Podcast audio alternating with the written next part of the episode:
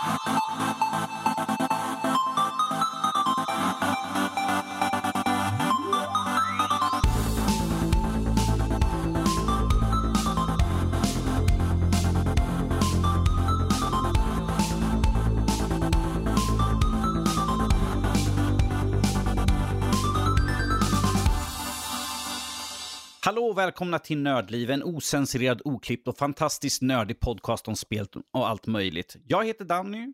Med mig idag så har jag Fygar och Jesper som inte nu har varit med på ett tag. Dagens avsnitt är nummer 417 och idag är det den 2 september. Är det september? Ja, det Tiden går, september. tiden går för snabbt framåt här egentligen, så jag börjar bli lite osäker. Det är så mycket som händer, spel som poppar ut höger och vänster sådär. Så ibland försvinner tiden totalt. Men eh, till att börja med, hur är det med er pojkar? Det är bra. Det rullar på. Dumt att klaga. Ja, precis. Det, vi hade samma diskussion i föregående avsnitt. Så, hur är det med er? Ja, det är synd att klaga. Ja, jo, det är, nu när du frågar, det är bara fina fisken. Så här, de mest så här, generiska svaren man kan ha när man liksom så här, ja, det, jag vill inte... Ja, men man- det, är, vill det är någonting, men ja, det är väl ett fel ställe att prata här nu om det. Så här. Ja, men lite så. Man vill inte liksom dra ut på tiden. Liksom, jag var sjuk förra veckan. Nu, det är inte så intressant att höra om, men jag är frisk så jag behöver inte ta upp det. Mm, ja, men det, är ju, det är en fördel sådär i alla fall. Så att du är Ta frisk halva nu. Så, avsnittet till det. vad sa du Jesper? Ta halva avsnittet till att prata om hur sjuk man har varit. Eller någonting. Ja, men precis. precis. Sjukpodden istället. Alla som lyssnar bara liksom så här, nu börjar jag känna mig lite krasslig sådär. Hypokondrin blir, blir äkta. Ja. Precis. Eh, I dagens avsnitt kommer det bli lite nyheter. Det ska bli spännande att se vad vi har för någonting att ta upp. Sådär. Alltid lika spännande varje vecka. Som ifall ni inte har lyssnat länge, vi brukar inte berätta för varandra vilka nyheter vi har så att det blir en spänna- kan bli en spännande nyhet som poppar upp. Eller liksom man bara, ah, jag har också den nyheten. Ah, jag som hade så få. Åh. Men det kan alltid bli lite intressanta diskussioner när det kommer ett ämne som man kanske inte är beredd på. Får se vad som händer. Eh, vi kommer ta upp spel vi har spelat och eftersom ni två inte har varit med på ett tag så kan det bli en stor variation av spel. Jag tar ju upp ett spel nästan varje vecka som jag har recenserat så det blir inte så många spel som jag tar upp i alla fall. Tv-serier, filmer och sånt. Det ska bli intressant att se. Jag, nämner inte vad vi har för att man vet aldrig vad som kommer upp eh, för någonting. Eh, vi kommer även ha lite Q&A i slutet och sen blir det månadens spelsläpp som vi kommer ta upp också. Så.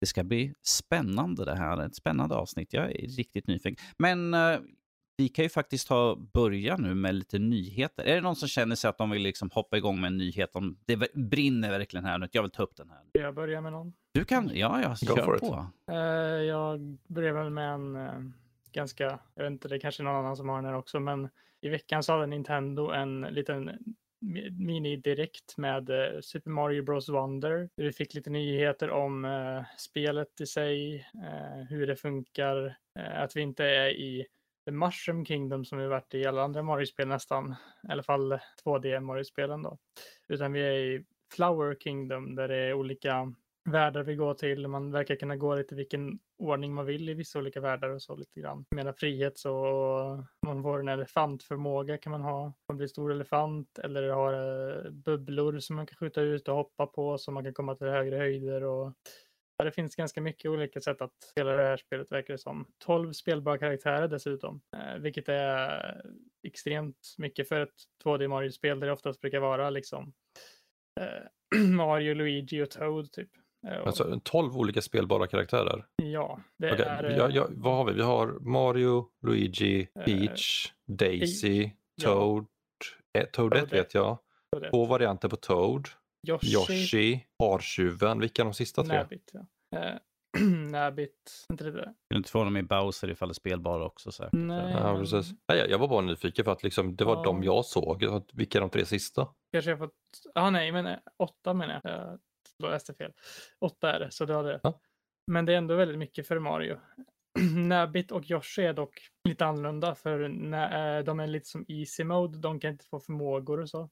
De är fuskkaraktärerna. Liksom, ja, de kan göra liksom extra hopp och dör inte av fiender utan de dör bara av att falla ner i stup och sånt. Det, det kändes lite skumt att se Yoshi rida en annan Yoshi. Så det är bara, Mm. mm, det känns som en sån här Ja. syskongrej. Liksom så här, du bär mig för att jag är den som bestämmer här nu. Hur många Yoshi kan man bära samtidigt? Åh du, det kan bli en oändlig. Ja. Men liksom jag, om- om vi tre spelar, jag, min Yoshi hoppar upp på Dannys Yoshi och Dannys Yoshi hoppar upp på Jespers Yoshi. Funkar det? Jag tror... Det kanske. Det, det skulle vara väldigt spännande i så fall. Men som du nämnde, att de har ju också som någon sån perk-system eller så här förmågor som Ja, de kan det använda. Det var ju någonting helt nytt som gör att du kan liksom Ja. ta dig runt på banan på ett helt nytt sätt också. Ja. Mm, typ att du kan hoppa wall-climba typ. var någon grej tror jag, till exempel. Hade ju någon lian som du kunde liksom kasta ut Ja. och dra dig till väggar och sånt. Ja. Lite så ja. Och det Ja. verkar som att det finns specifika banor också ute på världarna.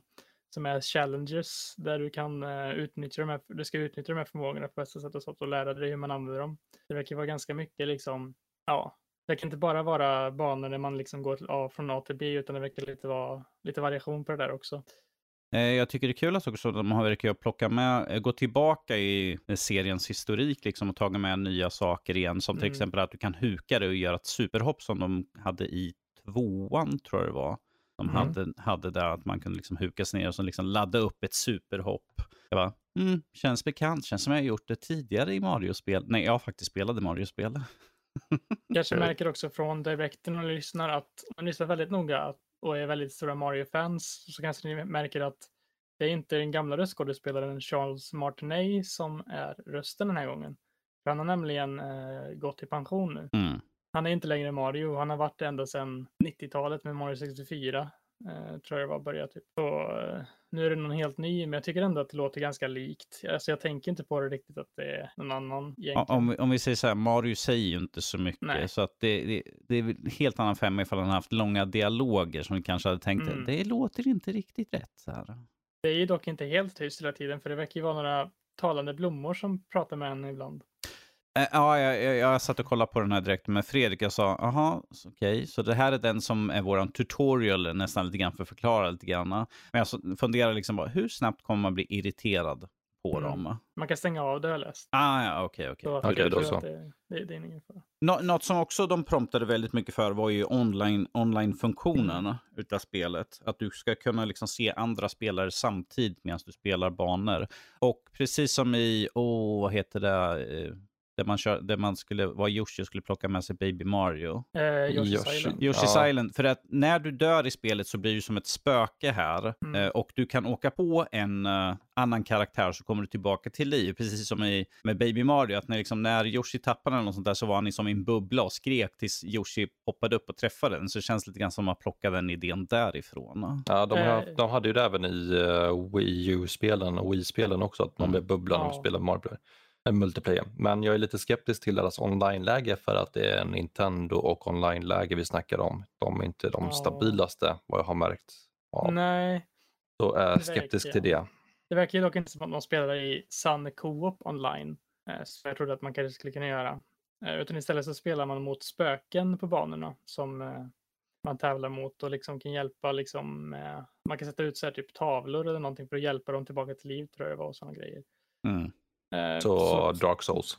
lite så kanske inspirerat därifrån, men jag tror att det kanske...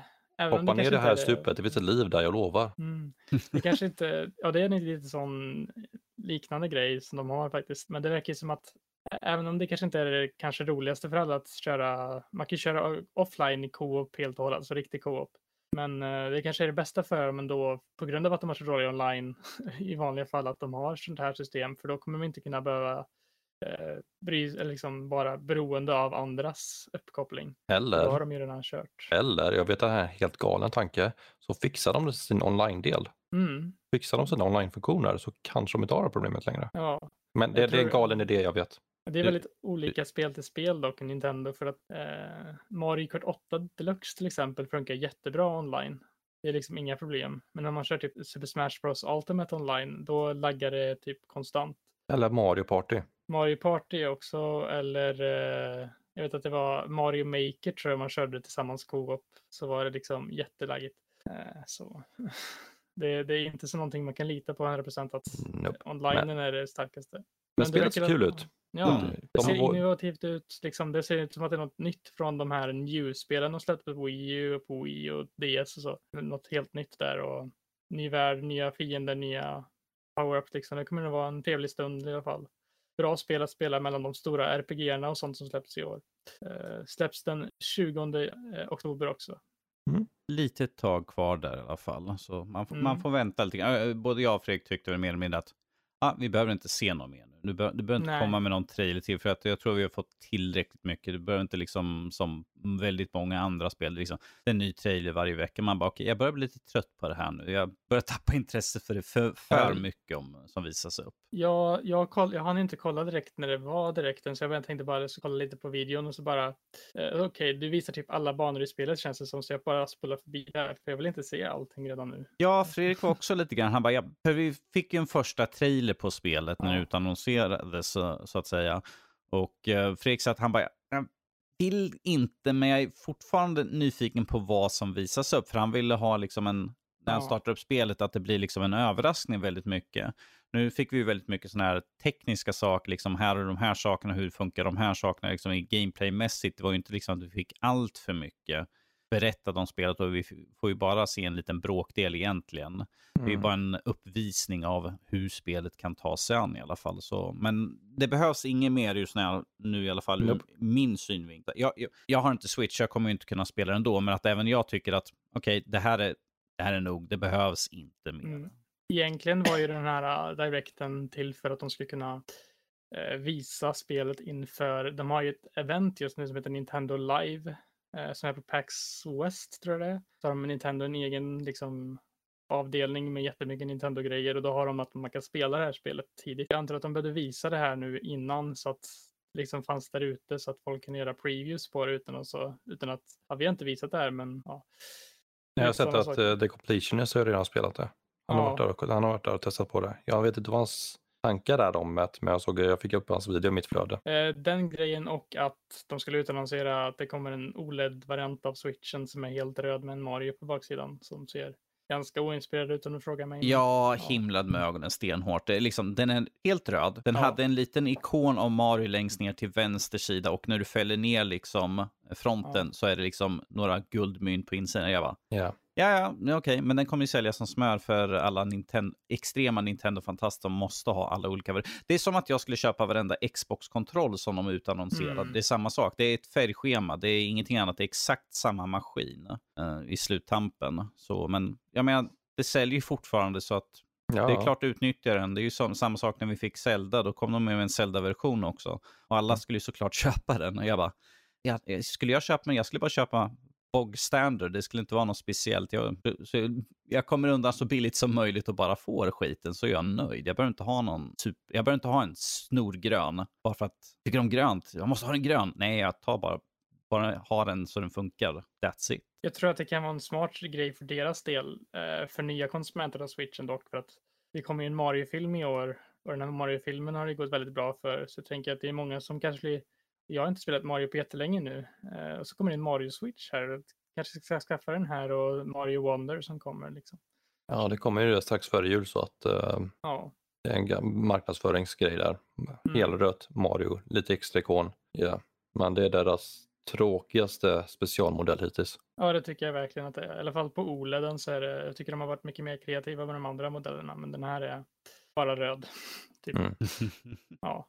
Ja. Hade du någon mer nyhet? Eh, ja, eh, det läcktes tydligen en Steam Deck-konkurrent av Lenovo som heter Lenovo Legion eh, Mm. nyligen.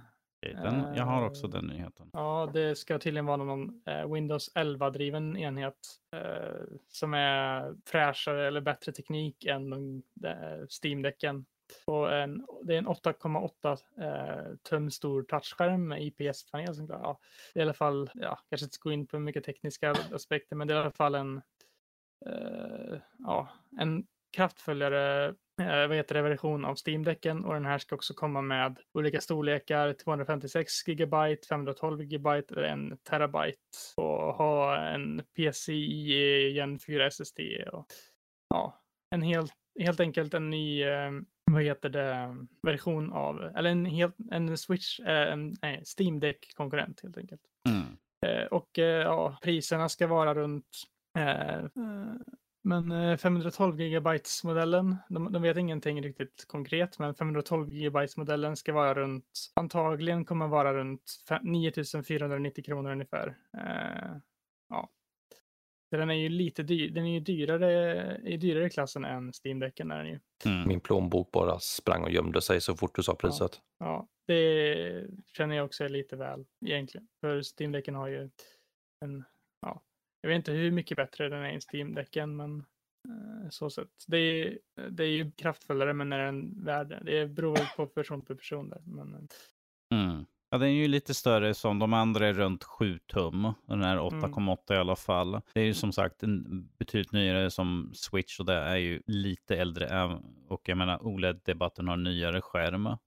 Ehm, men att det som jag också tyckte var intressant att den har eh, att man kan plocka bort eh, på sidorna liksom så man har kon- fria kontroller precis som på Switch. Det var okej, känns som de plockar lite hejvilt härifrån sådär men att why not? Um, där ska man ha ett kickback stand så man kan ställa den ner och titta på skärmen och hålla i kontrollerna och då är händerna precis som switch-kontrollerna. Um, får ju bara se liksom hur väl den gör ifrån sig i alla fall. Um, mm. det är svårt att säga liksom innan man typ har fått hållt i den eller man kan kolla på någon eh, som gör en rejäl genomgång av hur väl den fungerar på olika spel. Mm. Men, men jag tycker det är kul att det kommer lite konkurrent i alla fall. Men att eh, den, priset är ju ganska högt. Men det är ju bara att förvänta sig eh, med en sprillans ny Ja, Steam Deck-konkurrent. ja. På tal om eh, potentiella konkurrenter i framtiden till eh, portal, eller den portabla marknaden så har det varit ganska mycket rykten om att det ska komma en Nintendo Switch-uppföljare nästa år. Och eh, enligt eh, någon läcka här, är någon, eh, så ska Square Enix ha eh, presskit till, eh, vad heter det, Switchen eh, och ska kunna eh, ska ha troligtvis Final Fantasy 7 Remake som ett launch-titel till den här modellen. Mm. Och den ska köras ungefär som ett Playstation 5-spel, säger de. Jag vet inte exakt hur pass. eh, Jag såg några stycken olika som gjorde den här, eh, eller så pratade om den här veckan, bland annat Reset Era här som jag är inne på nu och kollar. Men det skulle i alla fall vara kanske kraftfullare än man trodde att Switch 2 skulle vara från början. För det var många som sa från början att det kommer inte vara kraftfullare än en eh, Playstation 4 eh, Max liksom. Men om den kan, vet du det, klara av FF7 Remake som en PS5-titel så skulle det kunna vara en mycket större hopp i kvalitet än man får tänka på att switchen är ju typ i kvaliteten av Xbox 360 Playstation 3 just nu. Eh, Så det skulle kunna vara ett ganska stort hopp där egentligen. Så, ja, det var väl egentligen det om det. Det är ett Eh, par ordentliga generationshopp i så fall den gör ju. Mm, Eh, som sagt, å, å, å, bara- återigen, det är ju reset era, så där, där ska man ju bara ta allting med en Ja. väldigt stor nypa salt skulle jag ju bara säga. Jo, alltså det här är ju går ju stenhårt där.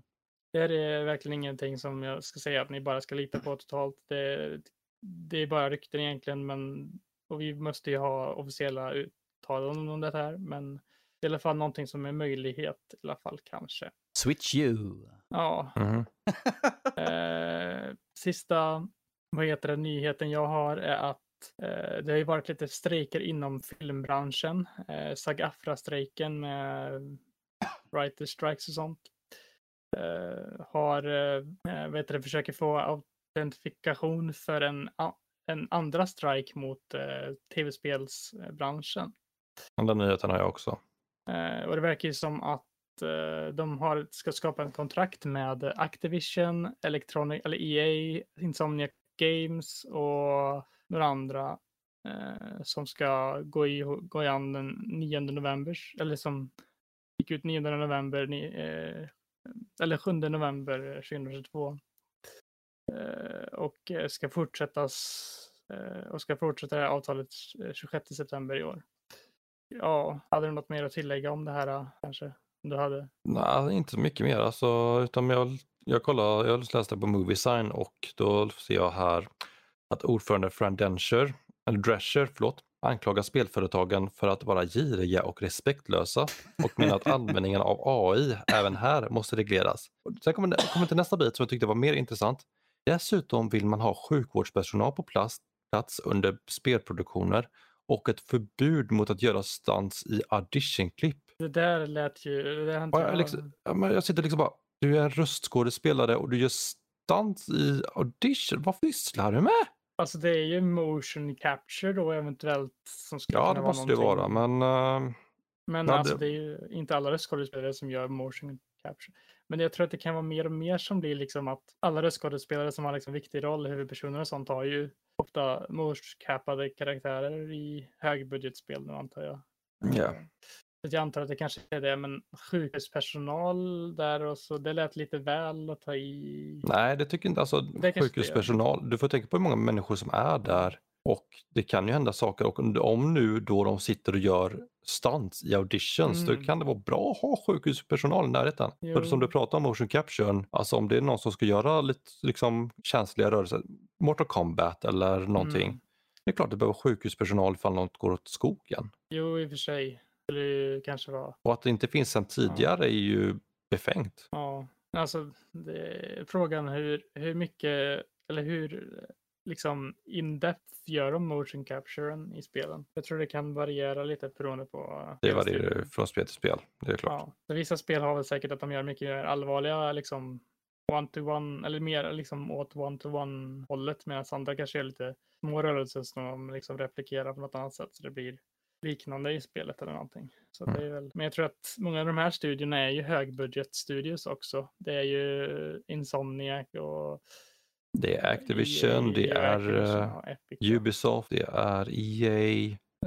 Um, för att tala om några av de största. Ja, det är ju att, eh, rätt så stora studios som yeah. oftast gör motion capture spel för det mesta tror jag. Ja. Men jag tror att det kan... Ja, Ja, det här, ja, det här med AI tog vi upp ett, för eh, det var ett par veckor sedan. Det här med att de använder ju det för att göra dialoger för NPCer som bara står i omgivningen. Typ. Hej, Mm. hur är det med dig? Hej, hur är det med dig? Och kan han säga något annat? Hej, hur är det med dig? Nej, det kan han inte. Då går jag vidare. Det var ju tydligen där de skulle användas till och inte liksom till själva manuset eller till större saker i spelet. Så skulle det bara vara för sådana här mindre grejer som skulle vara. Men att, ja, precis som på filmsidan så tror jag att det är lite dumt eftersom de verkar redan investera pengar i det. Så att det kommer ju gå framåt med det. Och eh, vad jag hörde sist var från när eh, uh, SAG-AFTRA de försökte i sina förhandlingar där att de tog upp om AI men att filmstudion så, näm, gjorde ingenting på den biten. Så att det var mer eller mindre bara oj shit, de verkar ha kommit längre på AI än vad vi trodde. Liksom. Så att det känns som en sak som kanske inte kommer gå igenom. Mm. Men vem vet, jag menar Staken har ju hållit på ganska länge nu. Vad är vi uppe i? 100, vad är det, 1520 dagar? Jag Jag är uppe över 100 dagar i alla fall. Det är längre än Mm. förra gången vi hade strejk i alla fall just nu. Så ja, och ifall det ska bli på spel, ja, jo. Jag har en stor backlog så jag, jag tror att jag klarar mig. I alla fall. Det gäller ju bara typ de här studiosen än så länge. Det är ju Just nu ja. just ja, nu, alltså all, det kommer gälla alla som använder sig av röstskådespelare. Mm. ja, Och då är det inte bara de stora utan det är ju alla. Då. precis. Vi får köra lite, det får bli lite mera spelen som kommer för att ha, bara ta bort voice acting. Typ Pokémon och sånt finns ju fortfarande. De har ju fortfarande inte rört in voice acting. Nej, precis. Så de Och indiespel. Och, ja men det, det är lugnt, då kan vi använda AI där istället också ju. Mm. Göra röst istället. Så. det blir säkert jättebra. Ja, jo. Vi bara tar de här som läser. Hi, how are you doing? Om vi gör en, en sån setting så att de blir liksom androider så blir det bara jättebra. Ja, vi får ju se hur det här går. Um, ifall det går igenom. Um, det är svårt att säga just nu, men Fran Drescher är liksom ute. Hon är, hon är ute på alla fronter här just nu. På filmsidan nu ska hon in på spel också. Ja, ja vi, som sagt, vi, vi får ju återkomma till det här ifall det händer någonting i alla fall. Just nu kan man ju inte säga så mycket om det. Men uh, återstår att se. Ifall det, går, ifall det blir en strejk här också får vi se hur det liksom påverkar hela industrin. Och vad konsekvenser och eventuella lösningar blir i sluttampen. Så det är intressant att se i alla fall. Förhoppningsvis eh, så kan de liksom förebygga och faktiskt fixa innan. Men att de företagen som nämndes, en del av dem kommer ju inte liksom lägga pengar på något sånt. De hålla det. Var, var det din sista nyhet du hade där Jesper? Det var den sista jag hade med mig. Okej, Figar, vad har du för någonting? Eh, jag har bara en nyhet kvar nu. Ja, okej, vad är det då? Eh, Worms, litet brädspel. Oh dear. Den kickstarter, jag upptäckte det på Steam igår kväll. Är det- bara. Explosivt bordspel? Ja, det, Worms, the board game, är Okej. på Kickstarter just nu. Jag tänker majoriteten av tidningar spelar Worms, då är det någonting som, någon som exploderar vanligtvis. Ja, eh, det lär det vara här också fast på ett annat sätt. Eh, men eh, ja, det kommer vara dyrt att backa det upptäckte jag. Typ en tusenlapp Oh. i svenska kronor för lägsta nivån på deras Kickstarter. Men Du får med Mm. detaljerade figurer, vapen följer med, supplies. Ja, alltså det är Worms. Ja, det ska bli intressant att se hur de implementerar det här i brädspelsform. Får man bygga upp som en stor bana liksom i början? Ja, du, du har... eh, eh, Med plattformar och sånt. nej, det, det blir inte, det blir inte liksom, det är en platt, du bygger upp en karta Mm. Så du, kan, du bygger inte på höjder eller någonting. Det hade varit intressant att kunna Mm. göra det visserligen. Men eh, du har bara din eh, bana på bordet som du lägger ut. Men det är uh, random, slumpmässigt varje gång. Mm. Så eh, det var bara något jag såg igår kväll och ville ta med. Okej. Mm. Ja, det är synd att det inte var liksom att man hade liksom som en, eh, en backdrop och sen liksom eh, ett sätt att bygga upp så man får rutor. Så kan man räkna liksom så här, okej jag har den här raketen, den skjuter liksom fyra upp, fem till höger. Så man kunde Mm. liksom räkna ut ifall jag skickar den här, kommer jag träffa? Och sen kunna använda på det sättet. Som där Mm. Worms går mycket ut och liksom, kan jag träffa med det här skottet? Jag siktar uppåt och hoppas på det bästa. Det blåser två till höger. Jag kanske har tur och får vinden och ta- plocka den lite längre. Så det hade varit spännande ifall jag gjort så. Men oh well. Ja, jag, jag hoppas att det ändå går att förstöra miljön lite. För det är liksom, om du skickar en concrete donkey, förstör du hela banan då eller eh, ligger den fortfarande kvar där? Hur, hur gör de sen när, när tiden har gått ut? Liksom? Ska man dra ner det en bit? Liksom, så att... Du, du, då kommer du med vattenkannan. Ja, gud. Ja, vi kunde spela en gång. Sen, sen nu är den förstörd av vatten. Köpa ett nytt. Ja, precis. Ja. Får köpa ett nytt för tusen spänn mer. Det är dyrt Ja. att spela liksom. Så här. Du behöver, du behöver bara nya pappersbitar. Plastfigurer Ja, ja. håller ju. Jo, jo, visserligen. Så Nej, alltså det, var, det var min nyhet. Ja, ja. Mm. Yes, okej. Då tar jag och hoppar vidare här då. Uh, vad ska vi ta för någon? Uh, vi kan ta den här. Beyond Good and Evil är 20 år nu. Och de kommer tydligen få en jubileumsutgåva. Beyond Good and Evil 20th Anniversary Edition. Vilket jag tycker är kul, för jag tycker de första spelet när det kom. Problemet är att jag sitter fortfarande och väntar på att vi ska få några mer nyheter om Beyond Good and Evil 2. Som jag inte hört någonting på ett par år. Vet ni ens om det fortfarande är i eh, liksom, produktion? För jag har hört så har ju, vet du, han som deras director hoppat, eller liksom gått bort från Ubisoft. Det är han som har varit med i Rayman och sånt också tror jag. Mm. Så att han har ju hoppat av Ubisoft-grejer sen det utannonserades. Och jag vet inte riktigt hur det kommer gå. De har inte sagt någonting om att, ja ah, nej, tyvärr har vi ställt in på grund av det här. Så antagligen så är det fortfarande att de utvecklar det. Nej, för att grejen är den att när de utannonserar spel så sa de att de skulle ha liksom uppvisningar av spelet med jämna mellanrum. Och jag såg en stream eller två när de visade upp liksom hur de flög omkring i en jättestor staty. Eh, Enormt. Och liksom man kunde åka upp liksom på planeten och åka iväg och landa någon annanstans. Och de hade lite Så sådana små streamer. Och sen helt plötsligt så slutade de bara. Det var liksom, man bara, hallå, vad hände? Och eh, de har ju inte sagt någonting överhuvudtaget som jag kan påminna mig om i alla fall. Det har liksom dött helt enkelt. Så jag är starkt skeptisk liksom ifall det fortsätter. Där. Ifall det kommer Ja. någon gång. För att det var väl typ 2017, 18 om inte ännu tidigare tror jag de hade den här utvisningen med typ extrema scopet de hade på världen där och bara. Vi ser. det här. eh, hur Beyond Good and? Evil, det ut, spel, tvåan utannonserades 2008, 2008 och sen 2016 så utannonserades det igen. Jaha. Och eh, ja, sist jag såg någonting på det måste väl vara typ 18, 19 kanske. Och sen har... Då kanske vi förväntar då ifall det är åt, det var väl. För, försöker, de, försöker de slå... Duke Nukem var inte det mest... Mm. Ja, Just nu är de uppe i 17 år så att eh, Ah, ja, okej. Mm. Ja, för uh, Skull and Bones har ju också ganska många år på nacken. Ja, om vi säger så här, Ubisoft kan vara rätt sega ibland med sina spel. Så... Ge det fem år till så kanske vi ser en Ah, ja. 10 minuters teaser om Beyond Good and Evil. Det kommer 2050 typ. mm. ja, de hade ju den här helt animerad eh, trailer liksom. Man bara, oh, okej, coolt. Och sen var det liksom, nej. Men om vi går tillbaka till or- original, den här jubileumsutgåvan, så hoppas jag att det blir en, eh, en ren remake. Inte bara liksom en HD-uppgradering på något sätt sådär. Spelet behöver lite, lite sweet, sweet love för att se lite bättre ut. Jag menar, vad var det? 360 det Nej, kom ut? original. Var det original till och med? Åh gud. Jag köpte det till min kompis i present. Ah. eh, begagnat på Xbox original. Mm. So it's old. It's old. Ja, jag, minns, jag minns när det kom ut. Men som sagt. eh, Är inte GameCube-spel från början? Tror jag. Det är den generationen. GameCube, PS2, Xbox original. Ja, det kanske kom till allt. Då. eh, jag vet, jag körde ju på Xbox i alla fall. Så. Men, men, det ska bli intressant att se i alla fall. Uh, jag vet inte om ni har sett den här, uh, de släppte ju ett gameplay för Banishers. Uh, Banishers mm. Ghost of New Eden. Där man spelar som uh, två karaktärer, en, en, man och en kvinna. Kvinnan visar sig vara ett spöke. Och de, deras uppdrag är liksom att bandlysa spöken och demoner och sånt. Inte sett. Nej, det visades upp på, var det Gamescom? Gamescom tror jag det var. De visade upp det första gången. Så där. Det såg, jag blev väldigt intresserad i alla fall när jag såg det första gången. För de såg intressant Jag bara, det här ser ut som någonting jag kan uppskatta. Så där. Och I gameplay som de visar upp just nu eh, så är det precis som i uh, Shadow of Mordor till exempel. Där du kan, du spelar som mannen och så, kan du i strider byta till kvinnan hon gör en specialattack eller något sånt där. Uh, eller att hon kan hoppa in och göra en attack vid sidan av. Det såg väldigt intressant ut i alla fall på gameplayet. Um, och de visar upp lite mer olika monster och lite grann på uppdragen man kunde ta sig an. Det ser bara mer och mer intressant ut. Um, för er som är i vår Discord så tror jag slängde upp ett klipp ja.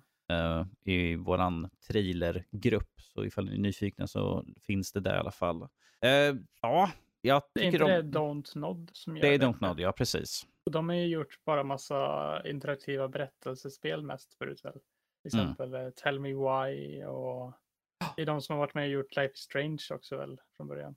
Mm.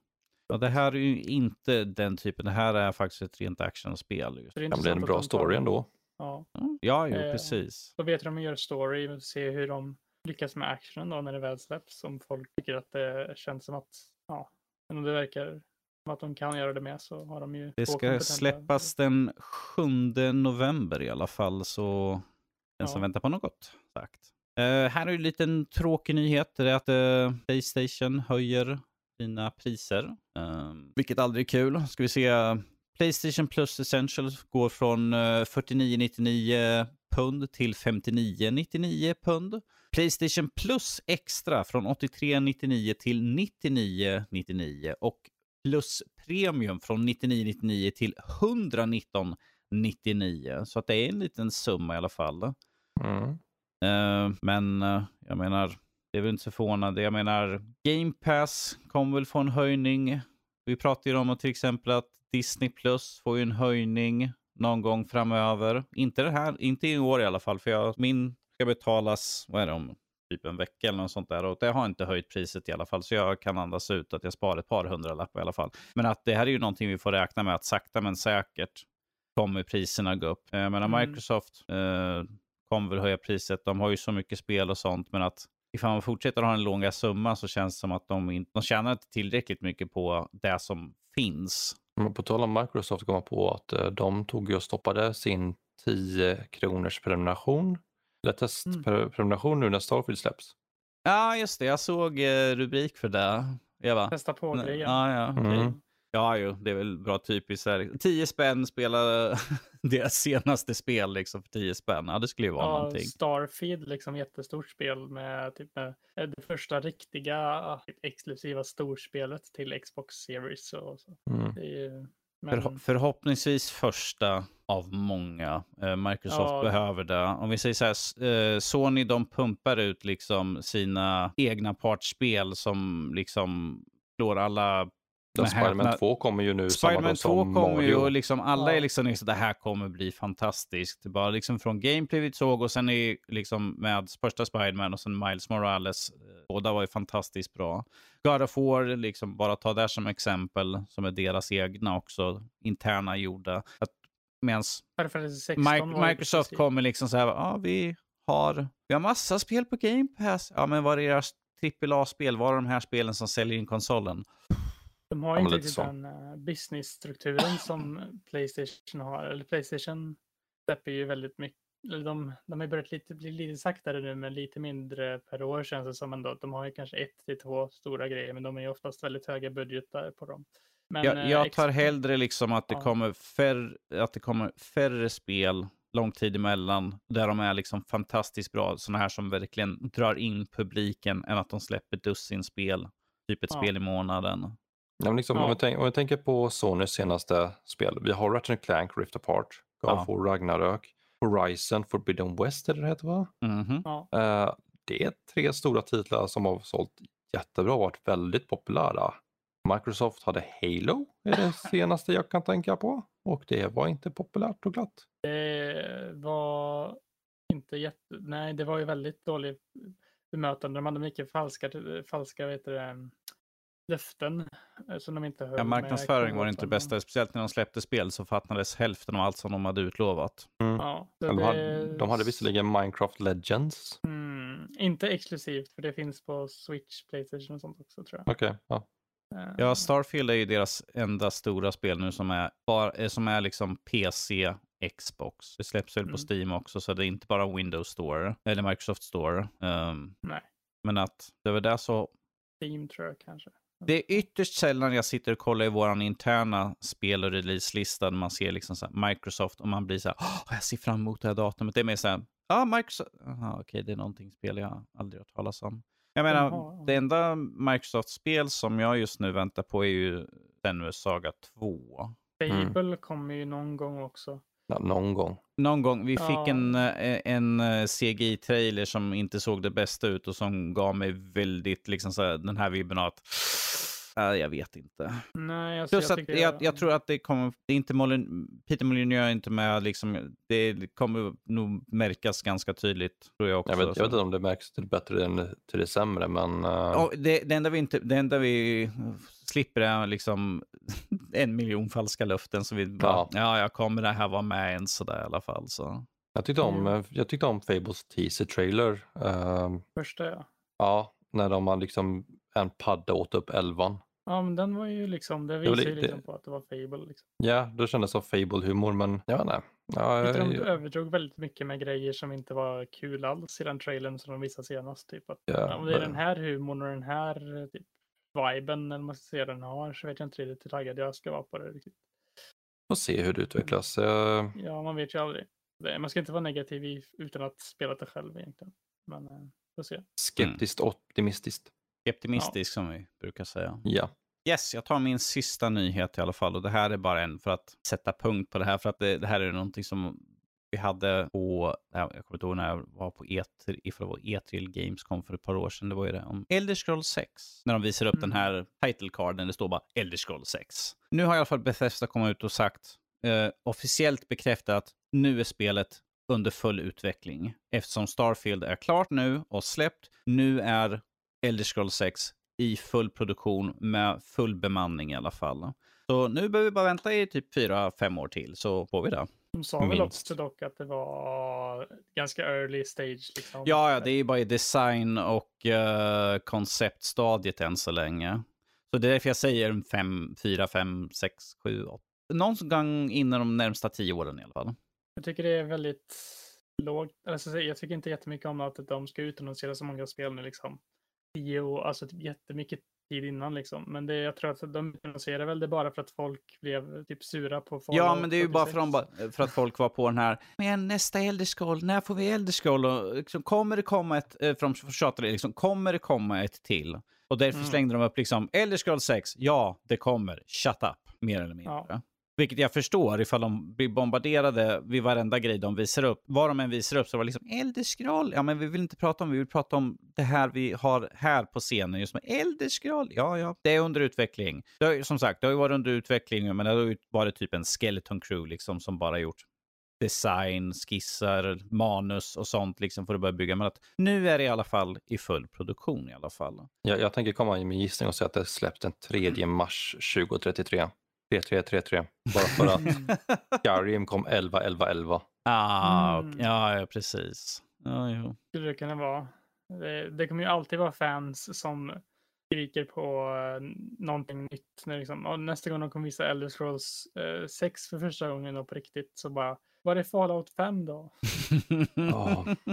jag, jag ser här just nu att det är fem år sedan de utannonserade sexan. Mm. Mm. Så det är fem år sedan de utannonserade och de, är de har inte kommit mycket längre liksom än bara design och koncept. Och det är 12 år sedan vi fick Skyrim. Ja, men det säljer ju fortfarande bra, så det släpps ju på allt nytt sådär. Så varför stressa? Det är ju som eh, GTA, GTA 6. GTA 5. Nej, alltså jag Ja. menar G- Ja. GTA 6, det kommer ju vara dröja lång tid har Ja. det varit. Som femman har ju fortfarande säljer djävulskt bra. Mhm. Så varför stressa ut ett spel när det man redan har säljer som in bomben. Mm. Plus att det kan ju vara att eftersom femman har varit en sån kassako, kan de toppa det? Det är ju Mm. risken där också att det kanske är skitdåligt. Har de liksom tappat allt? För allt de har gjort är ju att pumpa in nya saker för online-läget i... Det är ju därför de femman. säljer. Det är Ja. därför det säljer. Men då är frågan liksom, hur ska vi göra för att liksom få in folk? Se bara hur det gick med Red Dead Redemption där ju. Ja, det, det vet de att de har ett online-läge, men sen vet jag inte mycket mer. Ja, och det är, för jag vet brorsan körde det där och han sa liksom att de släppte ju bara det där. Det gick tydligen inget bra och liksom, det har inte kommit någonting nytt överhuvudtaget där. Nu, nu tar jag och citerar min bror sådär, jag spelar inte själv. Jag har spelet, jag har inte rört det. Jag har bara spelat single player-läget så jag kan inte säga någonting om online alls. För, för annars hade jag ju hört mer om det. Jag hade sett YouTubers som spelar. Jag vet att när, det, när online-läget släpptes så vet jag att det är massvis med YouTubers som jag kollar på sådana här Let's Play och sånt där. Som gjorde massvis med det och sen helt plötsligt dog det. GTA ser jag fortfarande folk som har spelat nu i över tio år som fortfarande gör dumheter i det. Jag tror grejen med Red Dead Redemption är att det är mycket mera, det är mycket mindre liksom koncentrerat spel. Det, alltså, Det är satt i västern, du finns inte så mycket medan i, i GTA 5 så har du liksom en hel stad du kan leka Ja, runt och Det få det menade. in raketer, flygande bilar etc. etc. Ja, det är liksom mycket bara ut utforska på stora fält och sånt. Mm. Eh, jag, typ den där jag har sett från online-läget var väl någon VJ i början med någon typ bar, någon med någon fiska eller något typ så här hade bar runt på folk i med ett, en lasso eller någonting. Men ehm, ja, jag tror att det, det lever mycket på den här interaktiviteten man har i världen där i GTA för online-läget jämfört med Red Dead Redemption som är mycket mera, du spelar story-läget, alltså single play-delen och det är liksom huvud, liksom det som lockar till att köra spelet. Det är inte att spela det Mm. online utan kanske spela det single player. vad ska man säga?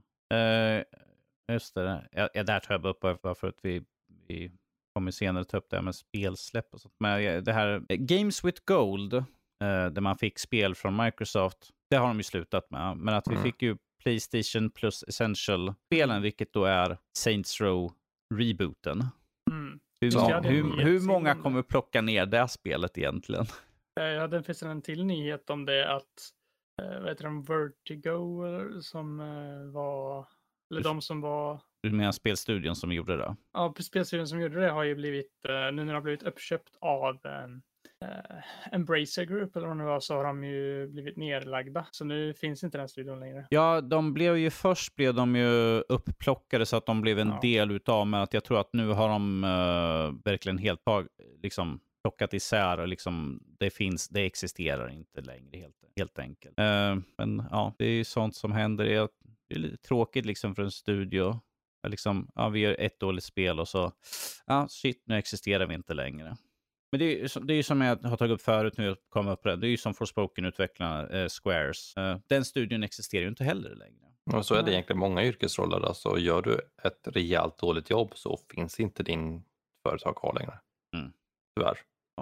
Det är lite tråkigt sådär, men att troligtvis, jag menar, eh, det är inte så mycket själva utvecklarna som man ska skylla på, utan det är mer på ledningar och de som bestämmer Mm. inriktningen sådär. Mm. Jag, jag hade inget problem med spelet sådär. Ja.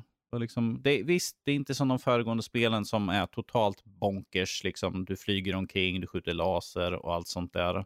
Har din dubstep-stol liksom och springer omkring sådär. Det är lite annorlunda. Eh, Men, men, alla vi är olika. Men ska vi hoppa in lite grann på vad vi har sett och vad vi har spelat för någonting. Jag, tänker att som du är ju den som har varit med minst här nu på länge. Mhm. Plus att vi har ju börjat med ett nytt segment igen här på Nördliv. Jag tänkte vi skulle ta lite Dungeon and Dragons, Drakar och Demoner. Ja, det är två olika. Vilka Ja, ska vi börja vi, med? vi tar Drakar och Demoner kan vi börja Drak- med sådär. Ja, Drakar och Demoner är ju Sveriges, för de som inte vet om det, det är Sveriges största rollspel. Eh, mig sett i eh, fantasy. Eh, har man lyssnat på rollspelsklubben så får man lite hum om hur det fungerar. Det släpptes en ny utgåva från Fria Ligan nu i augusti. Jag har spelat lite med några här i Nördliv. Jag spelar lite med några av mina vänner. Ja, det kan vara kul men kräver mycket husregler upptäckte vi efter ett tag. brukar vara så ibland. Ja, eh, vissa kräver mer och vissa kräver mindre. Men jag tycker om att hur lätt det är att skapa en karaktär. Det tog 10 minuter för nybörjare att få sätta sig med sina karaktärer. Du kan spela som Anka, vilket jag säger att alla kommer spela som Anka. Varför inte liksom? Eh, för ankor kan bli vresiga. Det är deras, förmåga, det är deras släktets förmåga, de blir vresiga. Mm. Vargfolk kan spåra, människor kan göra lite vad de vill. Dvärgar är långsinta. Om de någonsin har tagit skada från en annan, från någonting, från någon, så kommer de ha fördel, alltså kunna slå ett slag bättre mot den fienden i framtiden. När som helst. Så att, eh, det står i boken, skriv upp alla som har skadat dig. Jag tar revansch. Precis. Eh, nej men eh, det, det är kul med husregler. Uh, dock är medföljande äventyret inte riktigt anpassat för Drakar och Demoners egna regler. Mm. Mm. Vilket är väldigt tråkigt för att eh, jag har nästan haft ihjäl min spelargrupp två gånger nu bara på ett första introduktionsäventyret som ska visa hur det fungerar. Mm. Det ska ju vara den lätta biten. Eller hur? Mm. Men eh, ja, det var det inte. Utan eh, Det är hardcore det här. det, det är typ... Jesper, du kommer ihåg Mörkborg va? Ja, det var Ja. hardcore. Ja, det här är nästan lika illa. Oj. Det skulle ju vara nästan Dark Souls av, eh, inte så här, men typ lite så här utmanande så att det var liksom, Ja, men då, då gäller det att spelet också säger att det är det. mm, Baksidan av eh, Burkborg, då står det en spikklubba i nyllet. mm. Det är det första som står. Det var ganska tydligt där tyckte jag faktiskt. Ja. Men det gör ju inte det, utan Drakar och Demoner marknadsför sig som ett mer lättsamt äventyr som liksom man ska kunna överleva. Men som jag nämnde i min recension är att det motarbetar spelarna, vilket gör det hela väldigt tråkigt.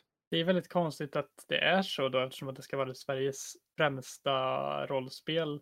Ja, Liksom. men det har kommit i flera utgåvor och eh, varje utgåva har inte varit bra. Nej. Utan den populäraste är ju den som var under 90-talet, alltså 30 år sedan. Mm. Ja. Så får vi se vad som händer och sker med den biten. Men eh, om man som spelledare vill testa det, var beredd på att slänga in lite husregler och jag rekommenderar det, rekommenderar det inte för nybörjare i dagsläget. Jag kan tänka mig också att eftersom att du säger att det kräver husregler så är det lite så här att vissa saker de inte riktigt tänkt efter på. Nej men, lite. så ta bara den biten att initiativ i eh, Dungeons Dragons slår man en tärning och så har man sin initiativrunda hela tiden. Varje runda i striden så går du på exakt samma tillfälle hela tiden. Mm. Är du först så är du först. Drakar Demoner så drar du kort varje runda och så när din runda är slut, alla har gjort sina rundor så blandar man ihop kortleken och alla får dra kort på nytt. Mm. Så du vet inte ens aldrig när du går. Nej. Och, en, och fienden gör svinont. Du Ja. kan så, jag, jag räknar ut det, du kan som mest ha 20 träffpoäng, alltså 20 hitpoints. Det var inte mycket. Nej. Eh, en svart alv du möter i början, alltså om man attackerar med sin långbåge så är det en 10-sidig tärning plus en 4-sidig tärning. Det kan alltså göra 14 skada på en attack. Balanserat. Och sen har du två svarta alvar till som kan anfalla. För fienderna går på samma runda. Ja, de, Och sen har- ja. Sen har vi monster som liksom är bo- mer bossaktiga. De kan inte ens missa. Oj. Utan man bara slår en sexsidig tärning, ser vilken attack de gör och så träffar de automatiskt. Där den här eh, första, introduktion, första äventyret man spelar har vi en ulvryttare som gör tre åttasidiga tidningar, tre T8, alltså åttasidiga tärningar i skada på en attack. Det kan vara 24 då, så det blir Ja, mer de här än- som högsta HP var liksom 20. Så um, jag, jag, Svårare än Mörkborg nästan. För Ja, där var det ju nästan. mera, jag tyckte det var rätt rättvist på ett sätt där ändå, för att det var ju liksom att du hade ju lite liv oftast, men Ja. det hade ju även fienderna. Mm. Så det blev ju liksom att behöver ju vara väldigt smart och så, men det är inte så att det är jätteorättvist kanske. Nej, men det är också just den biten att i Mörkborg, när vi, satt, när vi satt och spelade, när vi sätter och spelar Mörkborg, då utgår vi från att våra karaktärer kommer att dö. Mm. Det är, det är ingen förhoppning om att vi kommer att överleva. Det vet du bättre än någon annan. Ja, jo, eh, två gånger. Jag tror vi dödar båda dina karaktärer. Typ på Ja. första, eller det var första gången vi mötte fiender tror jag det var båda gångerna. Typ. Vi hade jätteotur med mina slag båda gångerna tror jag det var. Ja, du slog på bossen en gång, gjorde, liksom, gjorde knappt några skador, fick en Ja. slägga i bröstkorgen och dog. Jag för mig att det var din första kompis, men jag inte vet riktigt vem det var. Ja. När vi körde första gången, han eh, på något konstigt vänster klarade hela äventyret själv sen på något sätt. Ja, han... eh, Och sen eh, när vi körde med, jag tror det var Victoria och någon annan, Lotta var det. Ja, Lotta var det också. Lotta, Victoria och jag körde också igen. Då dog det. ni allihopa. Och vi velade ihop på den rundan typ. Ja. Att, ja. Men så, det, det är en fråga om marknadsföring där, vad som Mm. fungerar. Jag tror att Drakar och Demoner vill, vara lite, vill marknadsföra sig lite som Dungeons and Dragons fast det är inte det regelsystemet vilket gör Mm. att eh, det blir inte bra med äventyret. Men det var vad jag hade om Drakar och Demoner. Nu får någon annan prata om något annat kanske. Om vi säger så här, det är i alla fall kul med rollspel på svenska. Man inte behöver sitta och fundera på uh, vad blir det på svenska. Absolut. Sen är att jag sitter och tänker, liksom, här kommer en Goblin, nej just det, Svartalf var det ja. Yes. jag ta hoppa, mitt, hoppa, eh, hoppa till dig Jesper, jag vill höra lite grann om, eh, vad heter det för någonting, Eh, Sea of Stars. Ja, det är faktiskt det jag tänkte fråga om jag kanske ska gå till. Du, du har min tillåtelse ja. att prata om det. För att det är också ett eh, rollspel fast av ett lite annat sätt. Det är ett datorrollspel som är, eller ja, videorollspel, ja, som är inspirerat mycket av gamla skolans JRPG-spel som Chrono Trigger och Super Mario RPG är väl de typ två största eh, inspirationerna till det. Det är musiken är även komponerad eh, till viss del av Yasunori Mitsuda, eh, som många kanske känner till. Det är han som är huvudkompositören i bland annat eh, både Chrono Trigger, eh, Senno-serien, Chrono Cross. Ja, rätt mycket olika. Han, han är ganska lätt, eller han är ganska öppen för att komponera för olika tror jag. Och det är väldigt bra musik i det på grund av det också har jag märkt. Eh, det, det spelar som två stycken eh, syskon, eller typ ja, som är eh, så kallade Solstice Warriors. De ska gå igenom träning för att bli starka, vad heter det, starka krigare som ska rädda världen från uh, The Dwellers uh, och uh, The Flashmancer som är ondskan i världen. Och eh, hittills är det ganska så basic premiss. Du går runt på en ganska traditionell världskarta, möter på eh, lite olika karaktärer, men det har även lite så här mystik och plot twists som jag har stött på hittills också. Det finns, det är ganska välskrivet narrativ hittills i alla fall. Och kombaten combaten är precis som i Mario RPG så är den timingbaserad, typ att du har en attack eh, du använder och för att göra mer skada med den måste du liksom, om det är en vanlig attack, det gäller inte liksom att bara slå fienden en gång, bara klicka på A-knappen, utan du måste typ tajma din eh, knapp med när du slår fienden, för då kan du göra en extra attack och så vidare och vidare. Eh, Precis som i Super Mario RPG-spelen. Eh, Så jag tycker det är rätt kul att eh, det här, det är inte bara att spela passivt i ett i vanliga turordningsbaserade spel kan det bli lätt att du liksom, ja, du gör en runda, fienden gör en runda, du gör en runda. Den här är det liksom, det måste verkligen, eh, liksom, det är liksom lite action i det, att du måste själv koordinera attacker och sånt. Och, eh, så det tycker jag är kul. Eh, och väldigt snygg pixelgrafik.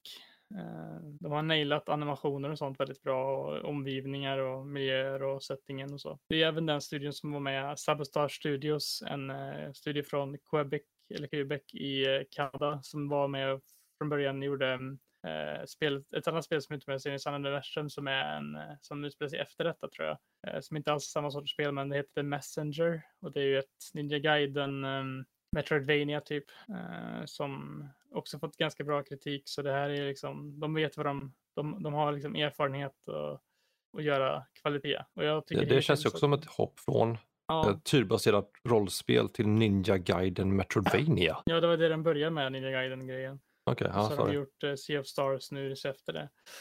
Men eh, det har ju varit ett, det har varit ett Kickstarter eh, projekt har det ju varit från början. Det var ju väldigt många som backade dem på det här. Det verkar som att de backade rätt för att ha fått lysande betyg överallt och hittills kan jag inte något annat än att hålla med. Jag har inte så jättemycket klagomål med det egentligen. Det känns en intressant story. Det känns som att det är kul combat, rätt lättsamt. Det är ingen random encounter som tur är i det här spelet, för det kan jag störa mig lite på i gamla traditionella RPG att du går en ruta, ja, nej det är en random encounter, går en ruta, ja, nej det är en random encounter, utan här ser du alla fiender i overworlden och du går in i dem så vet du det, kan du engagera dig i strid.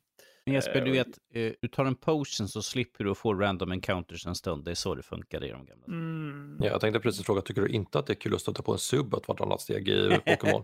Då kan man bara använda repel. jag, jag älskar det här för man, för man skulle försöka grinda liksom. Fram och tillbaka, Mm. fram och tillbaka, pop, ja, strid igen. Fram och tillbaka, fram och tillbaka, fram, ja, nu är strid igen. Jag tror dock att jag har hört, jag vet inte hur det här stämmer, men att spelet inte riktigt funkar så att du, jag tror du levlar upp lite i typ samma takt som fienderna levlar upp. Typ. Att grinding hjälper inte jättemycket förutom att det är inte så att du inte vill levla upp heller, för alla karaktärer har en gemensam level. Och när du levlar upp den här så får alla karaktärer välja varsin stat som de får öka med en viss, eller alla ökar ju stats liksom, alla stats lite grann.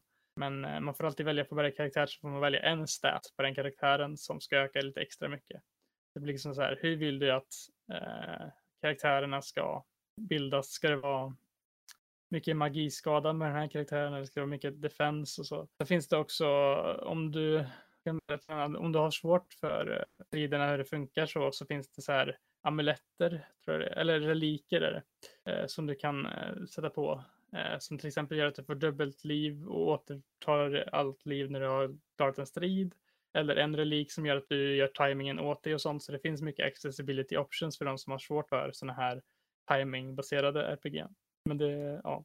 Så det, men hittills jag... Det känns jag lite grann som ringen och sånt i Final Fantasy 16 ju. Här Jo, är halsbanden och sånt där. så. Liksom att du gör, äh, han automatiskt gör de här superattackerna ifall du hade en visst halsband eller något sånt. Jag har ju, vad heter det, jag slängde på den som är att du helar automatiskt efter strid på grund av anledningen att det är så jobbigt att gå tillbaka till en campfire varenda gång du vill å- återta ditt liv hela tiden så det blir väldigt mycket på att gå fram och tillbaka och istället bara kunna få tillbaka allt liv med en gång känns mycket mer liksom Det tar inte lika lång tid så det inte finns nej, random encounters. straightforward. Så jag tycker jag uppskattar att de har lite så här options för de som vill le- eller liksom ha det liksom det här old school. Du måste verkligen gå tillbaka varenda gång du vill hela dig eller något sånt. Men ja, eh, det är en rekommendation i alla fall. Jag har kört, jag vet inte hur långt, jag, jag har inte kunnat komma, jag har nog inte kommit superlångt i det, typ 10 timmar in eller någonting. Och det ska vara runt 30, så är vi kanske en tredjedel igenom då. Men ehm, det finns på Game Pass, det är det jag har kört det. Eh, på Playstation, och, eller på PC och Xbox finns det. Eh, men det finns även på Playstation 5, 4 och Nintendo Switch också om man vill köpa det. Och så, så kommer det en fysisk utgåva nästa år också. Så det kommer finnas många alternativ att köra det här spelet på. Men ja, det var väl det jag hade att säga om Sea of Stars hittills i alla fall. Okay.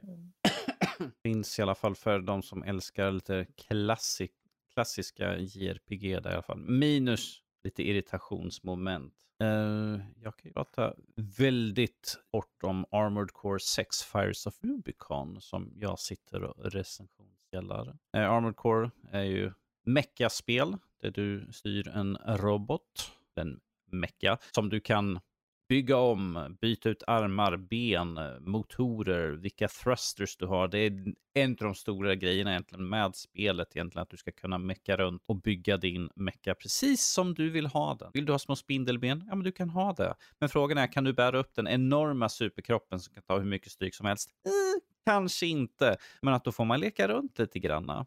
Eh, man spelar som en legosoldat eh, som tar uppdrag från olika företag som försöker ah, vad ska man säga, eh, ta, mak- ta och få resurser på planeten man är på så att man får uppdrag från olika fraktioner som kanske är emot varandra, vilket gör att ifall man gör ett uppdrag för en fraktion så kanske den andra blir lite upprörd och säger liksom, ja, ah, jag vet att det var du som gjorde det här. Um, så att, men att du är legosoldat, den som betalar högst är den som får det, ditt arbete så att säga, att du utför dina jobb.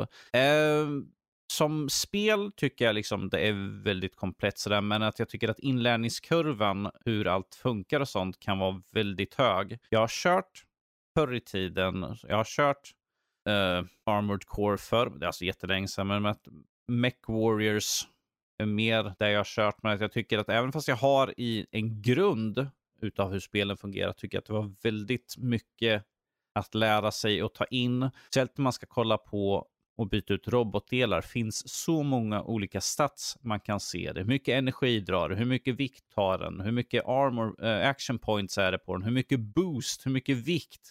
Och allt sånt där. Jag sitter och stirrar mig blint.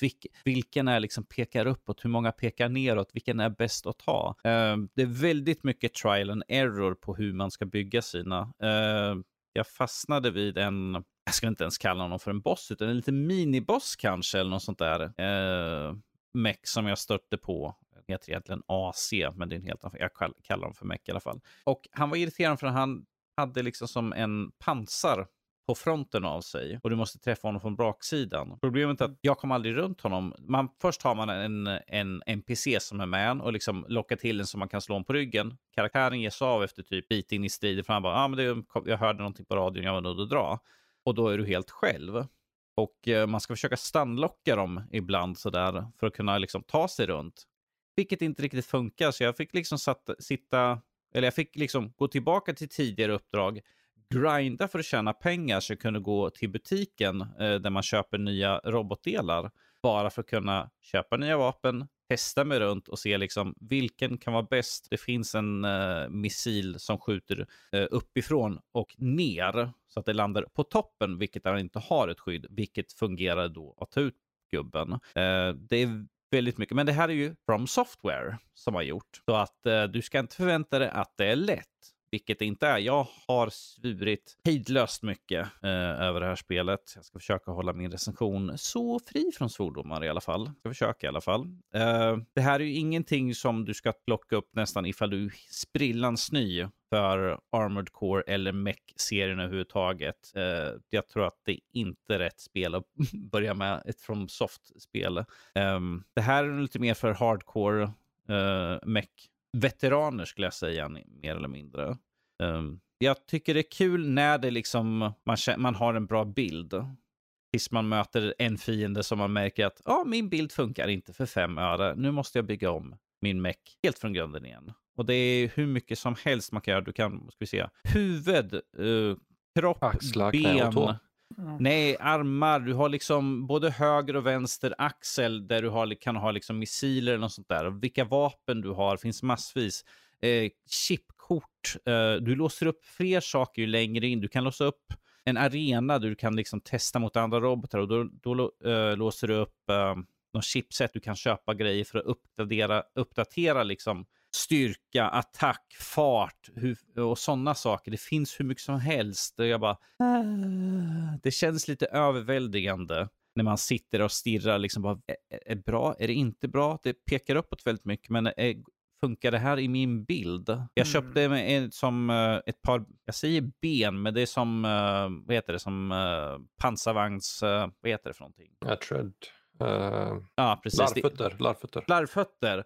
Vilket jag märkte liksom att jag bara, ja men det ser coolt ut, jättehög styrka, liksom. jag kan ha en tyngre överdel så jag är betydligt mycket starkare. Men att han kör som ett arsle i snö, mer eller mindre. Det är liksom, mm. du, du sväng, svängradien är hemskt. Det är så att man får hoppa upp, hovra lite grann för att kroppen ska vinkla sig rätt. För annars är det som ett uh, gammalt Resident Evil-spel. Liksom, du tycker åt ett håll han rör sig däråt och sen helt plötsligt bryter man vinkel. Och nu, ja, men du fortsätter ett håll med att jag tycker åt ett annat. Sådär det är tankkontroll lite grann på den. Jag bara, jag måste grind och köpa mig nya ben för de här var verkligen inte... Problemet är att min överdel är då byggd för att jag ska ha en stark eh, benuppsättning. Så jag måste köpa, grinda upp och tjäna, tror jag, 400 eh, spänn mm. eller 400 000 spänn för att kunna köpa med benen som orkar bära upp överkroppen nu. Så jag bara.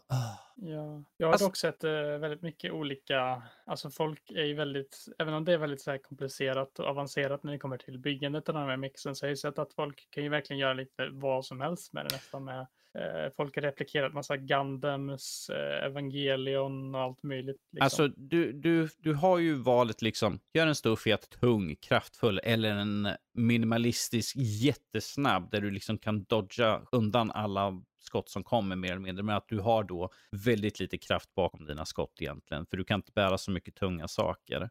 Um, men jag tycker det var coolt i kapitel 1 så finns det, så får man möta på en, en boss som är typ en enorm plattform. Tänk dig lite grann uh, Shadow of the Colossus. Jag kände mig lite grann. Min meck är liksom ingenting. Jag var inte högre än dess fot. Man får typ mm. skjuta, ut, skjuta sönder ett av benen så han går liksom ner på ett knä och sen kan jag liksom hoppa och liksom använda liksom och flyga upp på den till ett enormt jätteöga som man måste skjuta. Den liksom skjuter, bara varannan sekund så skjuter den en superlaser som typ mer eller mindre spränger mig i små bitar. Det var en liten utmaning.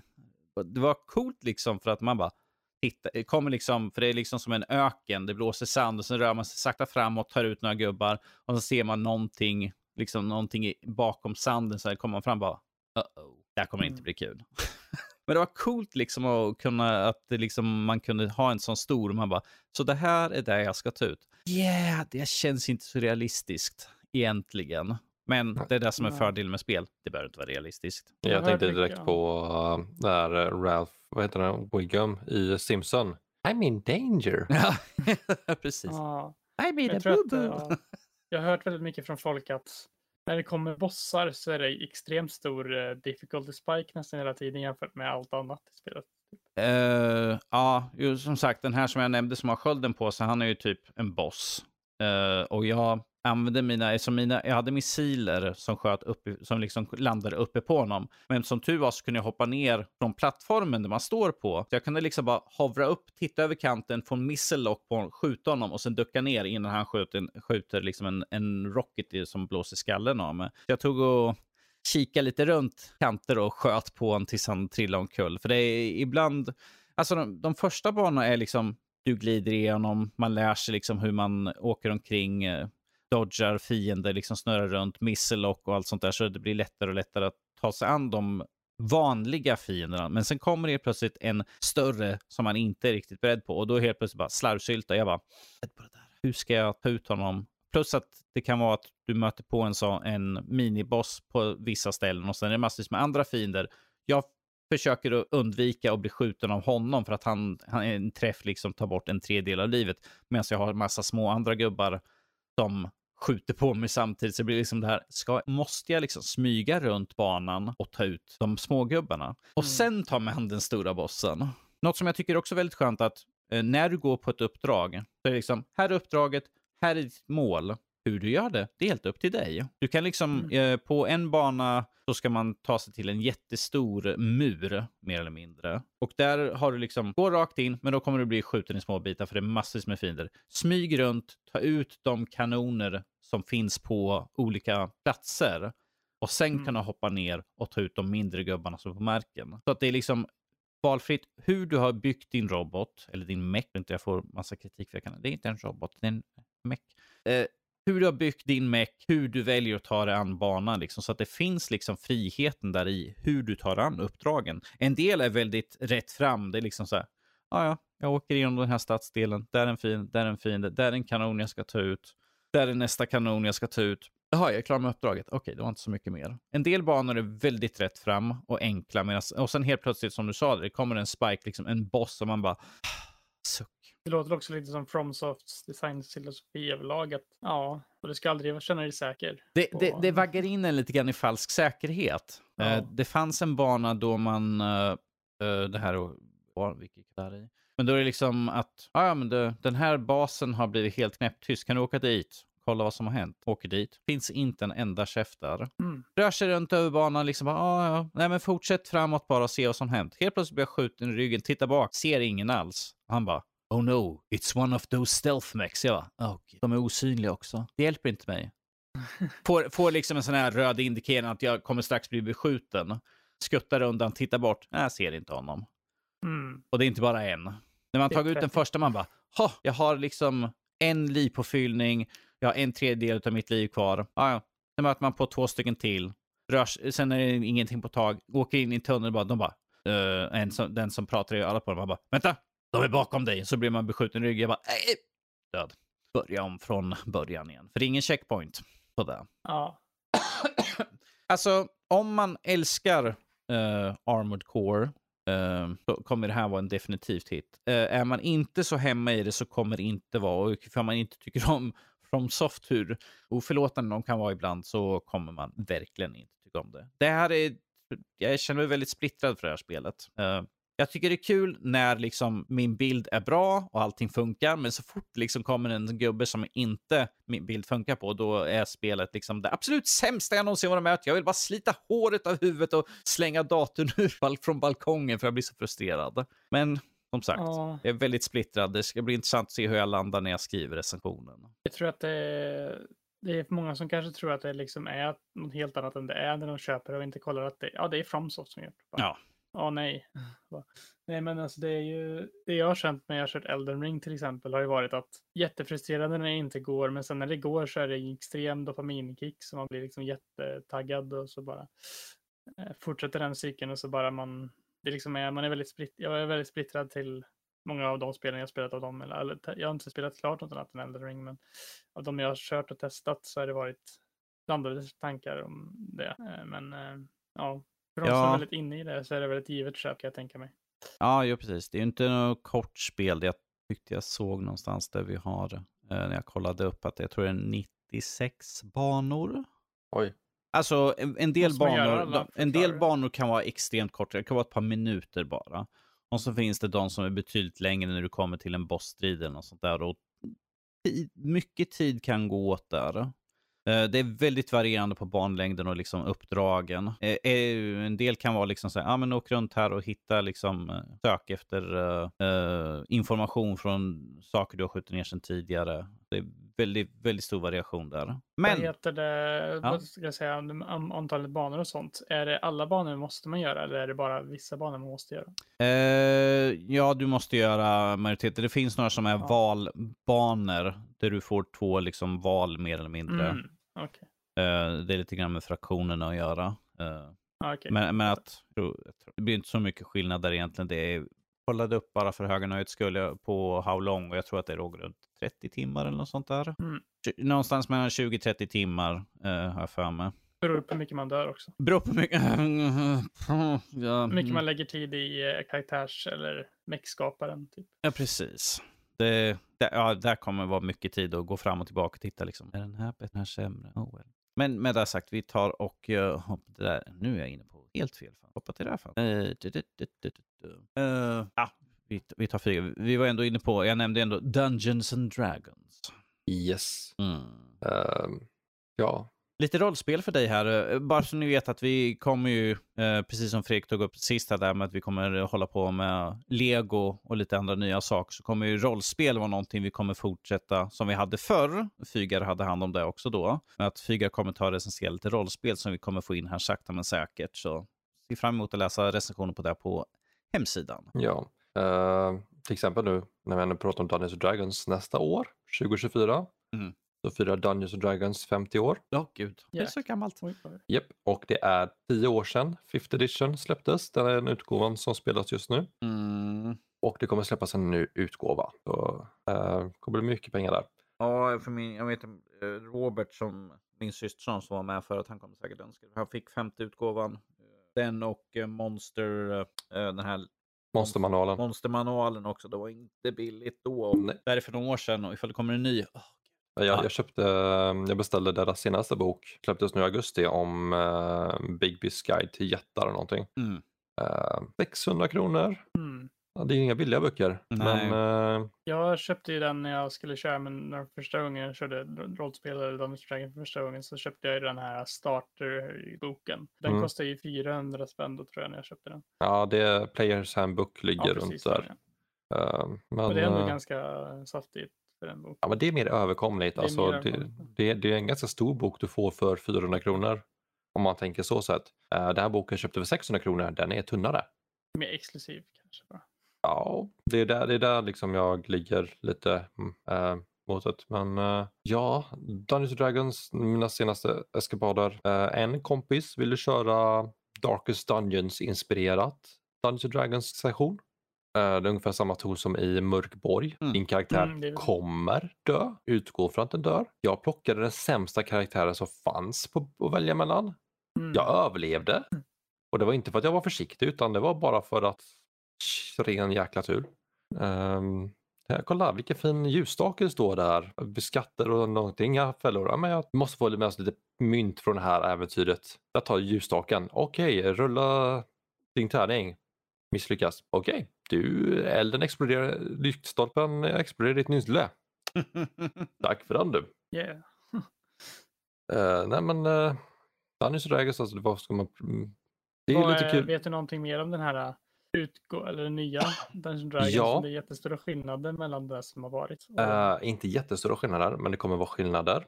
Eh, till exempel, de har släppt uh, spel, testmaterial så vi kan sitta och testa och se vad som kommer hända. Mm. De ändrar om lite i klasserna, hur de fungerar, eh, hur vapen fungerar. En kul grej jag tycker är att vapen, barbarer och fighters kan få något som kallas weapon mastery, vilket betyder att de är bra med vapen. Det känns ganska logiskt. Och är man bra på vapen, då gör vapen lite extra effekter. Mm. Så till exempel, liksom, säg att du slår mot en fiende men du missar. Ja, men du gör fortfarande skada för att du har bemästrat vapnet så att du liksom kommer åt lite ändå. Mm, ja. Eller eh, om du skjuter med pistol. Ja, fienden rör sig långsammare för du lyckas träffa på en bra punkt för att du har bemästrat vapen. Det är liksom sådana bitar tycker jag om. Och det är likadant i Baldur's Gate 3. Det är baserat på 5th edition för den Mm. som inte visste om det. Eh, och då har de lagt till lite extra grejer som att varje vapen gör bon du kan göra bonussaker med vapnen varje runda. Mm. För att i vanliga fall, du kan attackera. Det är allt du kan göra. Men du kan liksom, bara Skate 3, du kan svepa, du kan pe- peta lite hårdare om du skulle vilja det. Du kan finta. Eh, och det är sådana grejer som man kan det, implementera i sina egna kampanjer. Liksom, Okej, jag tyckte om det här för Baldur's Gate 3. Eh, jag skulle vilja testa att ha det i mitt system här hemma när vi sitter och spelar. Liksom se hur det fungerar på bordet. Allting kommer inte fungera från Baldur's Gate 3 till uh, 5th Jo. edition. måste ju vara så att Baldur's Gate 3 är ju ett...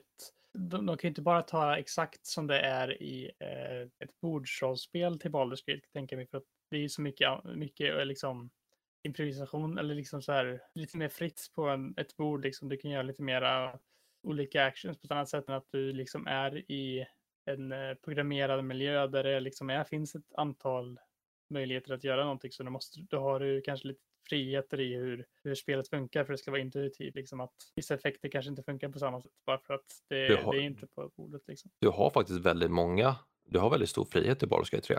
Mm. Jo, Jag det vet jag. jag- jag Men sett det finns själv. inte oändlighet för det kan Nej, inte nej. finnas oändlighet. Men det finns inte oändligt i verkligheten heller. Det beror helt och hållet på spelledaren. Ja. Ehm, men en kul grej, liksom, säg att du dödar någon, men den personen har någon information du vill ha, men vill inte prata med sin mördare. Nej, men okej, jag, för, jag förklär mig själv med magi och nu kan jag prata med dig. Mm. Inga problem, kör på. Fygars barbar tar sitt, sin kvast och tänker peta på draken. Fygar slår 12. Ah! Draken trillar ner och fnittrar och berättar allt den vill ha och ger han alla skatter. Mm. Ja, om det vore så väl. Om det Ehm, vore så väl. Du troligtvis kommer det vara Fygar ser ut som en liten uppbrunnen kvist. Japp. Mm. Nå- något vi har kommit underfund med, mina, båda mina spelgrupper, är att jag är inte en intelligent spelare. Jag får, jag får inte skapa intelligenta karaktärer längre, för jag gör dumma val. Mhm. Jag ska hålla mig till min fem intelligens barbar för att då är jag mitt esse. Jag går fram och slår och så får vi se vad som händer. Uh, Sten, hugga. Träd, hugga. Ja, men liksom, det var någon präst i en by, jag tror jag kanske nämnt det här förut. Eh, det var en drake, kom från en annan dimension och svävar över en stad vi var i. En präst är bara, ge oss ett tecken och min barbar slår honom i kulorna, där har du ditt tecken. Mm. Och sen, liksom, men han, när han tänkte efter sen, liksom, det var någon konstig känsla. Han, han vet hur det känns att slå folk i kulorna i vanliga fall. Han är halvling, han är en meter hög, han har tagit för vana att slå folk i kulorna. Eh, och det, det är en viss känsla, den här känslan stämde inte. Hur är bästa sättet att testa om det var en konstig känsla? Jo, man slår igen. Mm. Och det var samma konstiga känsla. Sen var, det visade sig att det var en demon. Oj då. Liksom eh, NO 101.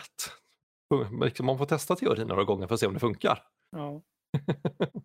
Och Danne bara, jag ska aldrig spela med honom. Mina rollspel ska vara i dataspel, så annars... eh, Nej. Annars kommer jag sitta och titta på tärningar bara. Vilken skulle jag... Vad, vad gör jag för någonting? Jag spelar Baldur's Gate 3 tillsammans, ska vi se hur det går. Baldur's Gate har väl ändå liksom att tärningsslag och sånt sker på en tur liksom som att du behöver inte tänka på vad det är som ska vara utan det liksom kommer när du slår eller? Ja, alltså tärningsslagen sker ju hela tiden, men du ser dem Ja. bara när det är någonting du aktivt försöker göra. Ja, precis. Så det är ju ingenting du behöver tänka på själv att vilken tärning ska jag slå nu utan det tar väl spelet och gör åt dig. Typ. Precis. Det, det klarar du nog Danny. Alltså det finns så mycket spel som man har spelat som uh, bygger liksom på Dungeon and Dragon. Men så länge jag inte behöver se eller tänka på någon av funktionaliteten så är jag nöjd. Så, så länge spelet bara funkar. Det, det har varit, varit väldigt kul att läsa Larian Studios patch notes eh, för Baldur's Gate. För att första patchen de släppte för två veckor sedan någonting, det fick inte plats på Steams uppdateringssida. Oh dear. För, för lång. Det var för långt. Och de har släppt så här, del 1, del 2. Ja, Här kommer fortsättning på allt vi har gjort. Ja, Var det inte eh, två patcher som har släppts? Jo, nu har man släppt en till patch nu och i den här patchen så en detalj folk hakat upp sig på att om du lägger en karaktär i en låda eller någonting och knuffar ut den från ett hår, knuffar ut den så kommer inte personen längre vara liksom oåterkallelig död utan kommer sväva runt i eterium och tills du väljer att återuppliva den. Man bara, hur många personer har gjort det här för att det ska vara någonting bör- att ni måste fixa? Ja, för, alltså spelare, man ska inte underskatta vad spelare gör i sådana här öppna spel. Nope. Det, det, det är väl lite det som är anledningen till att det fått så höga betyg, liksom att spelet har så otroligt mycket möjligheter att alla kan spela det hur de vill, liksom bara spela spelet. Liksom. Det är väl det som är rollspel egentligen, alltså Ja. typ eh, bordsrollspel är att du ska kunna göra det liksom vad du vill, Ja, vilket men inte kanske många dataspel innan har haft på det här sättet som Baldur's Gate just 3 har. Kanske. Jag tycker en av mina favoritbitar när jag har kö- kört Baldur's Gate 3, jag kör barbar. passar. Eh, och det var en Goblin som kom liksom att för att jag ska kunna få passera så vill han att jag ska äta hundskit på hans stora varg. Ja. Jag, jag intimidateade honom så att han åt upp ett själv.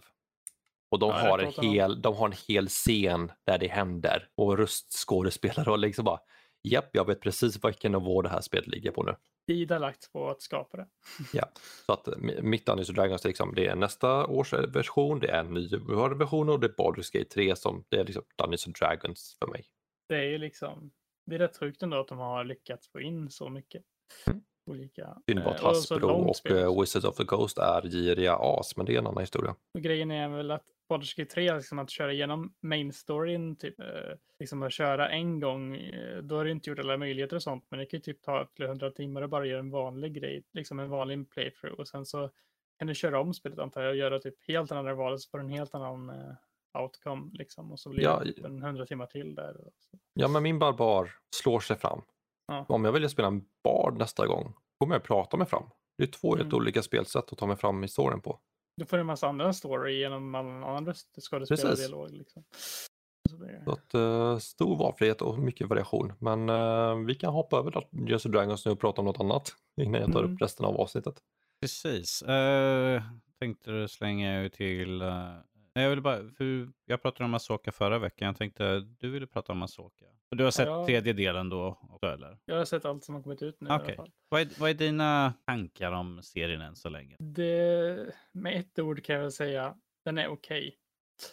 Eh, Jag har ingen liksom, jag tycker inte den är kass eller man ska säga. Jag tycker den inte är jättebra heller. Utan jag tycker att den är, ja, den är helt okej helt enkelt. Det är liksom en, en eh, ganska tydlig story med Asoka och liksom det känns lite som att det är en tonårsserie på något sätt. Liksom att mer liksom så här drama med Asoka och eh, vad, hon, vad heter hon nu igen? Hon eh, rödhåriga tjejen. Eller hon som är Mandalorian i alla fall. eh, Och allt sånt. Eh, Ja, jag har glömt av vad hon heter nu också precis. Men ehm, ja, det är i alla fall Sabine, tycker- Sabine Bren. Sabri- Ja, precis. Men eh, hon har ju en stor del av serien än så länge. Och eh, enda som är lite så här, fight-scenerna är kanske inte jättefina eller jättebra gjorda hela tiden tycker jag inte. Utan de känns lite så här halvdana. Men ja, vi får se lite hur det artar sig. Jag tycker det är lite intressant premiss med de här äh, karaktärerna som eh, ska vara villains eller så här skurkarna. Verkar kanske ha något intressant med sig. Eh, men eh, ja, överlag får vi se lite hur det utvecklas. Rätt eh, lagom eh, längd på avsnitten ändå, liksom. Det är inte jätte avsnitt, i alla fall inte sista avsnittet var väl. Det kändes som att det typ hade redan börjat när det slutade. Eh, Men eh, ja, vad är dina intryck då av Asoka då Danny? Jag tog ju upp de två första delen som de släppte samtidigt tog jag upp förra veckan. Så vi höra Mm. dem. Vi tar om den tredje delen, vilket jag tycker var en märkfest. Egentligen. Det var bara så här, vad hände, vad var det här till för? Typ tänkte jag. Eh, Väl, väldigt mycket pratande, väldigt mycket intriger och liksom, jag säger starka känslor sådär, men att det liksom känns som att ja, det, det, de drar ut så mycket på grejer som hela skeppsstriden liksom helt plötsligt, liksom, ah, vi blir jagade, ah, de skjuter på oss, ah, du måste ta ut dem bakom oss. Och sen helt plötsligt är det liksom, ah, men vi flyger nu runt omkring de här rymdvalarna, bara för att liksom visa upp dem egentligen, för att de har med, se- Mm. med uh, Rebels-serien och liksom med Ezra och Thrawns borttagande där i slut på den serien. Jag bara, ja ah, okej, Mm. ni, fine, vi har sett det här just nu, men att göra någonting som faktiskt blir intre- intressant.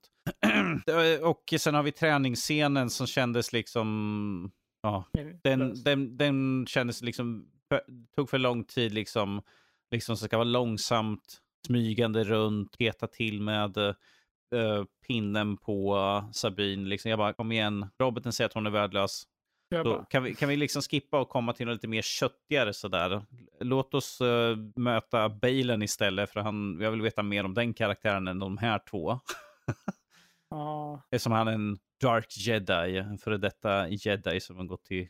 Är, han är ingen Sith heller, säger han ju direkt så att säga. Men eh, jag skulle hellre se mer därifrån den sidan än eh, att följa liksom Asoka för att hon går bara stirrar liksom och pratar lite grann. Så jag bara, ja, ja, ja, ja. Get on with it. Kom liksom till, låt oss få se någonting hända någonting. Ja, även fast det är liksom, ja men vi har rymdstrider, fine. Uh, vi har lite lightsaber svärd fäktande mot uh, skepp ute i rymden. Uh, ja, jo, men jag tycker fortfarande liksom, det känns lite som, jag bara, det händer ingenting. Det här var också ett kort avsnitt, det var bara var 30, 30, 30 minuter någonting. Jag bara, det är som de två första delarna, det känns som ingenting händer egentligen. Jag, jag sitter och tittar på det här, jag, jag, jag såg de två första delarna back to back, rakt upp och ner, och jag bara, det hände ju ingenting. Ja, Andra också, avsnitt, jag bara, kände vad hände i andra avsnitt? De, de åkte liksom till det där skeppsvarvet, liksom, då hon hoppade ut genom fönstret, slogs lite ballerinastrider och skuttade och hoppade där. Det händer ingenting. Um, Jag tyckte det var intressant, alltså de första typ tio minuterna första avsnittet eller någonting när de typ utforskade den där äh, typ ruinerna eller vad det nu var alltså saker gjorde och lite sådana här saker när man fick se skurkarna första gången. Det, var, det kanske kan vara... man sen bara tar inte vidare någonting och sen bara Asoka har ju typ ingen personlighet överhuvudtaget som hon hade i alla fall. Jag har inte sett allt som har kommit från tecknade serierna men när jag var yngre så såg jag väl eh, Clone Wars lite grann och lite sånt. Och det, jag tycker att Asoka är mycket mera personlighet i där än det är i den här. Det är liksom, hon är bara där för att det ska heta så kanske. det ja, jo. Det är som jag sa om Sabrine Wren, liksom att det känns som hon har tagit steg tillbaka från hur hon var när Rebels slutade. Visst, det, Det har, ju, kanske- det har ju gått tid emellan nu, så vem vet vad de har gjort? För tydligen så hade hon ju varit eh, Padawan till Asoka, vilket inte var någonting som var med i Rebels, utan det är ju något som har hänt emellan den serien och den här serien har varit. Så att det är väldigt mycket som vi inte riktigt vet vad som har hänt. Varför, de, eh, eh, varför Asoka liksom slutade vara hennes lärarinna. Det finns Mm. så mycket där liksom. Jag bara, eh, show. Show us. Eh, Visa sen, är liksom. ju inte serien, sen är inte serien slut heller, så det är lite svårt att säga kanske hur hela kommer vara. Jag vet inte, var det sex, åtta avsnitt eller något? Det är åtta avsnitt, så vi har typ, det har ish gått en tredjedel av serien än så länge. Så. Förhoppningsvis kommer de ju ta upp tempot lite grann på eh, att det händer grejer nu, men man vet aldrig. Men Ja, att en tredjedel har typ gått och det har varit som slött tempo och det typ, jag känner som att ingenting händer så känner jag mig starkt skeptisk till att det faktiskt jo, kommer jag är upp skeptisk till det, men man får ju hoppas på det bästa ändå. Jag hoppas det. Som sagt, jag har väntat länge på att få en liksom, avslutning på Rebels egentligen med Ezra. Liksom att vad hände, liksom, vad hände med honom och Thrawn? Liksom. Det var ju där liksom, det slutade liksom med bara, han är borta. Han offrade sig liksom för att få bort Thrawn. Ja, ja, men vad hände? Får vi se honom igen? Visst, vi har sett han i ett hologram, men kommer vi få en ordentlig avslutning på den här serien? Liksom, och alla lever lyckliga? Eller kommer det bara vara liksom att ja, men det här är början på undergången mer eller mindre? Mm. Fyga, du har inte sett det överhuvudtaget eller? Nope, jag har tänkt att jag ska kolla igenom all Star Wars innan jag börjar ta det nya för jag har inte sett all Star Wars.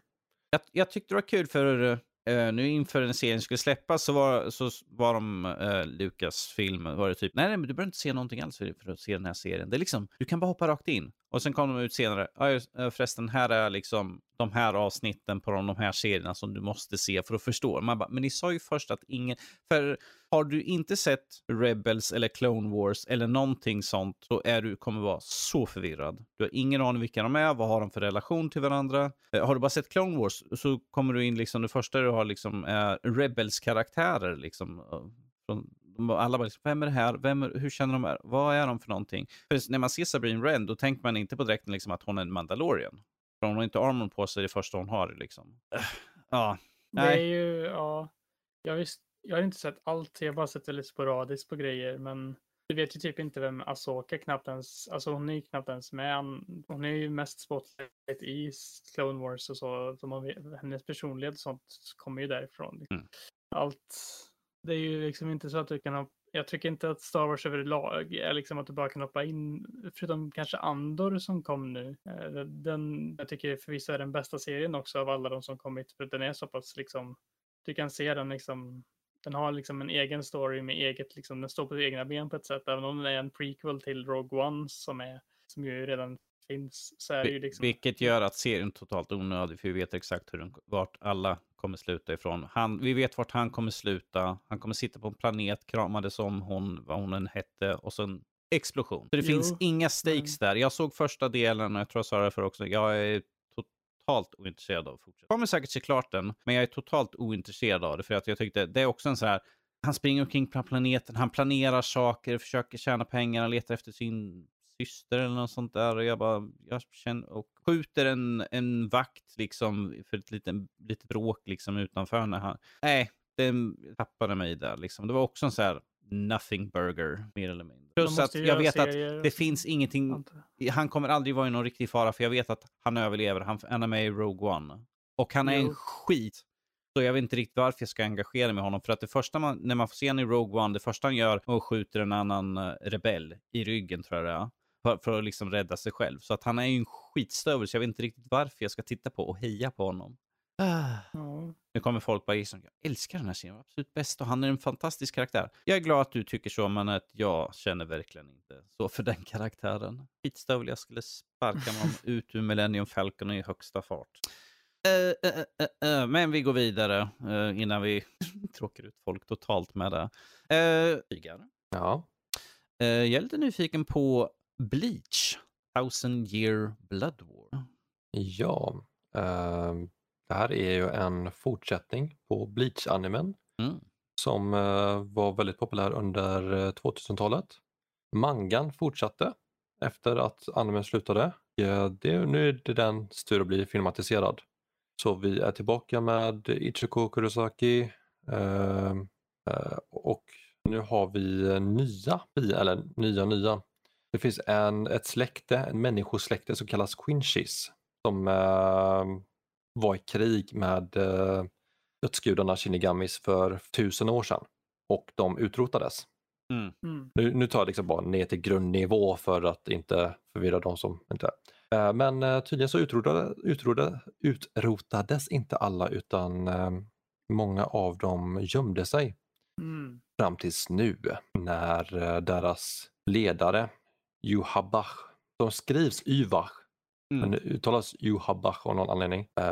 Han, åt, han har vaknat till liv igen och de ger sig nu in mot Soul Society och för att utrota Shinigamis. Och eh, om man kollade på Bleach i 2000-talet. Och liksom, det kunde vara blodigt men var ganska milt. Animes på den tiden, alltså Naruto, One Piece och det, det, det är liksom inte särskilt groteskt, inte något brutalt. Inte berserk-nivåer vi snackar där. Eller, nin eller Ninja Scroll. Nej, precis. här kom, ja, och här kommer Thousand Year Blood War. Mm, Blood vet, War. Ja, precis. Blood. Jag vet inte om någon av er, har någon av er kollat in den? med någonting? Jag, jag såg den inte... förr, men jag avslutade aldrig serien. Jag har faktiskt aldrig sett Bleach, men jag har faktiskt sett lite trailers till den här nya som har kommit. Jag tycker det ser väldigt snygg ut, verkligen. Den är väldigt välgjord. Väldigt uh... välgjord ut, men och, liksom, det är väldigt så här, ja, verkar ju vara lite så här, mycket så här, blod och mycket. Inte så ja. att jag är någonting emot det, men det verkar vara lite så här, är det här seinen eller är det shonen? Det är shonen fortfarande. Är fortfarande.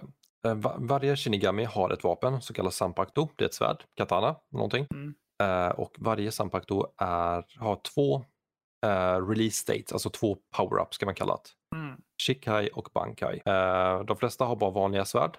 Några har Shikais, men många har Shikais men inte riktigt alla. Och några få, mestadels kaptener, har Bankai. I hela animen så var det mycket spekulationer om vissa vi aldrig fick se.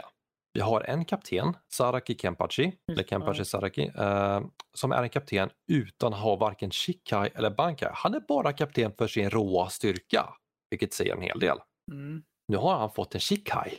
Oj, oj, oj. Den är underbar. Vi fick se generalkaptenens Bankai som riskerar att förstöra hela Soul Society. Eh, jag, vill, jag, försöker, jag, försöker, vara lite vag med det här för, för om ni vill se eller någon lyssnare vill se så eh, spoilar jag inte för mycket. Eh, men om man kollar på IMDB så ligger den här animen just nu väldigt högt. Jag tror den ligger uppe på 8 eller 9 av 10 poäng. Mm. Så, uh, den är riktigt välgjord.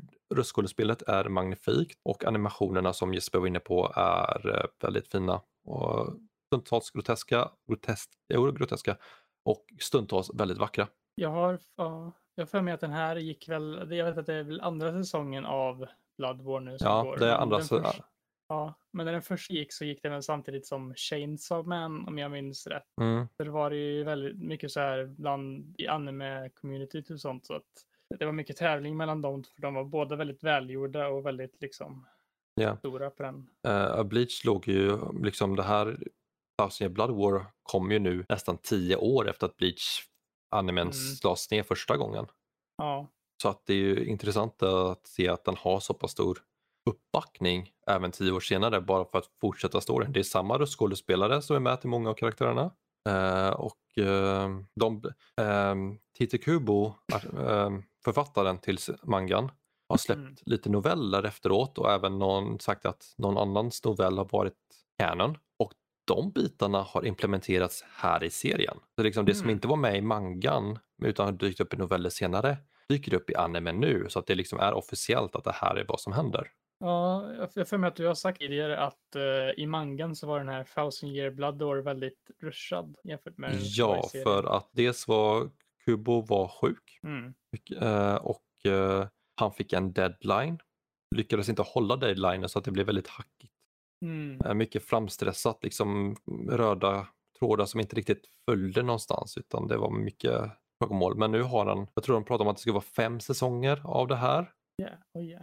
Vi är på andra säsongen och vi har kommit igenom en ganska bra bit av mangan än så länge så att det som kommer härnäst kommer ju vara utfyllnad för det han inte fick med hoppas jag ju på. Men vi får se vad som händer. Hur är det nu då? Eh, kan man hoppa in här på den här Bloodworm en gång eller måste man se alla 300 någonting avsnitt innan? Uh, du kan hoppa in men du kommer inte riktigt veta vilka karaktärer som är vilka eller vilka relationer de har. Du, mm. du får vara beredd på det. Du kan lära dig det ganska snabbt men det bästa är ju att... Se allting? Ja. läsa? Läs, jag, jag, skulle säga läsa för det går fortare än att kolla igenom ja. eh, typ 400 avsnitt. Men det är ju upp till var och en vad man tycker om att göra och list, leta upp en lista på fillers för att... Ja.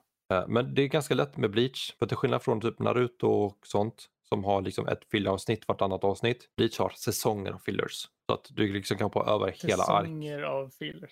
Ja, för att de, de kom ikapp uh, mangan Mm, och då okay. tog de och la in ett filler-ark istället. Ja. Typ att Sampaktos själar eh, revolterade. Gjorde revolt mot sina ägare. Mm, en variant. Men det är lätt att lista ut vilka som man kan hoppa över och inte. Som mm. tur är i alla fall att Bleach, alltså första tv-serien, eh, är ju som sagt det är 300 avsnitt. Det är ju inte jättemycket för en serie som har hållit på sedan som var 2004. Mm. Det är inte mm. som One Piece som eh, jag orkar inte det. Jag kommer inte ens ihåg. Vad är det? Tusen? Tusen 80 någonting nu har jag ja. läst. Jag har inte sett där det. Har de, där har de ju aktivt hela tiden pumpat ut medan den är Bleach som du sagt. De har ju gjort filler och liksom har liksom tagit tid emellan. Mm. Uh, jag menar 19 år för 300 avsnitt. Det är inte mycket att slå ut det. Nej, och sen kan man på... hoppa över ja. liksom ett 20, någonstans mellan 20 till 80 avsnitt i allting så att mm. Man får tänka på också att en animes avsnitt jämfört med många vanliga liksom, seriers avsnitt är ju mycket kortare oftast. Det är oftast runt, runt 25 20, minuter. 20-25 brukar... Ja, de brukar vara 25 minuter men då får man dra bort typ 3 minuter på intro, intro och outro. One, ja, One Piece är väl runt en 25 mm. per styck. Jag tror det är runt 23, ja, 25, 27, ja, men någonstans runt, inte jättelångt, inte över 30 minuter är väl inget anime-avsnitt jag Nej, men jag är bara väldigt glad för att Bleach var min favoritserie som ung. Mm. Jag är glad att den är tillbaka och att den är så populär, fått det mottagandet den har fått. Ja, jag vill se mer, mer av Ninja Scroll.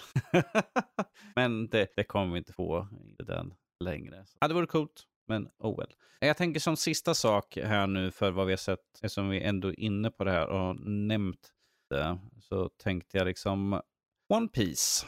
Ja. Live versionen. Live action, ja. Live action här nu som släppts. Jag visste inte ens att den hade släppts. Den kom väl typ igår eller förrgår någonting. Det, Väldigt... uh... I onsdags kom den, tror jag. Eller torsdags, va? Torsdags, va?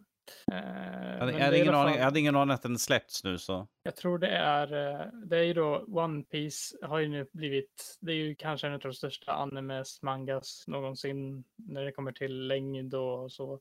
Har nu släppts i live action form med på Netflix då med åtta avsnitt än så länge. Och eh, om jag fattat det rätt så är de här åtta avsnitten täcker typ 52 avsnitt av eh, animen. För det är så mycket fest och grejer. Och, och typ 100 kapitel om jag läst rätt också. Ja, det är i alla fall första East Blue tror jag det heter, eller någonting heter den arken som det täcker. Eh, så då är det ju Luffy som eh, eh vår huvudkaraktär som bekantar sig med sitt eh, straw, eh, straw Hat Pirate Crew Eh, få träff på Zorro, den, eh, svärdsmannen så Roronoa Zorro och Usopp som är, eh, ska ha en barndomsvän han inte vill lämna men han gör det ändå för att han ska resa ut på äventyr och Sanji som är en kock som vill vidga sina, vidga sina vyer och eh, Nami som har haft en, en tragisk bakhistoria med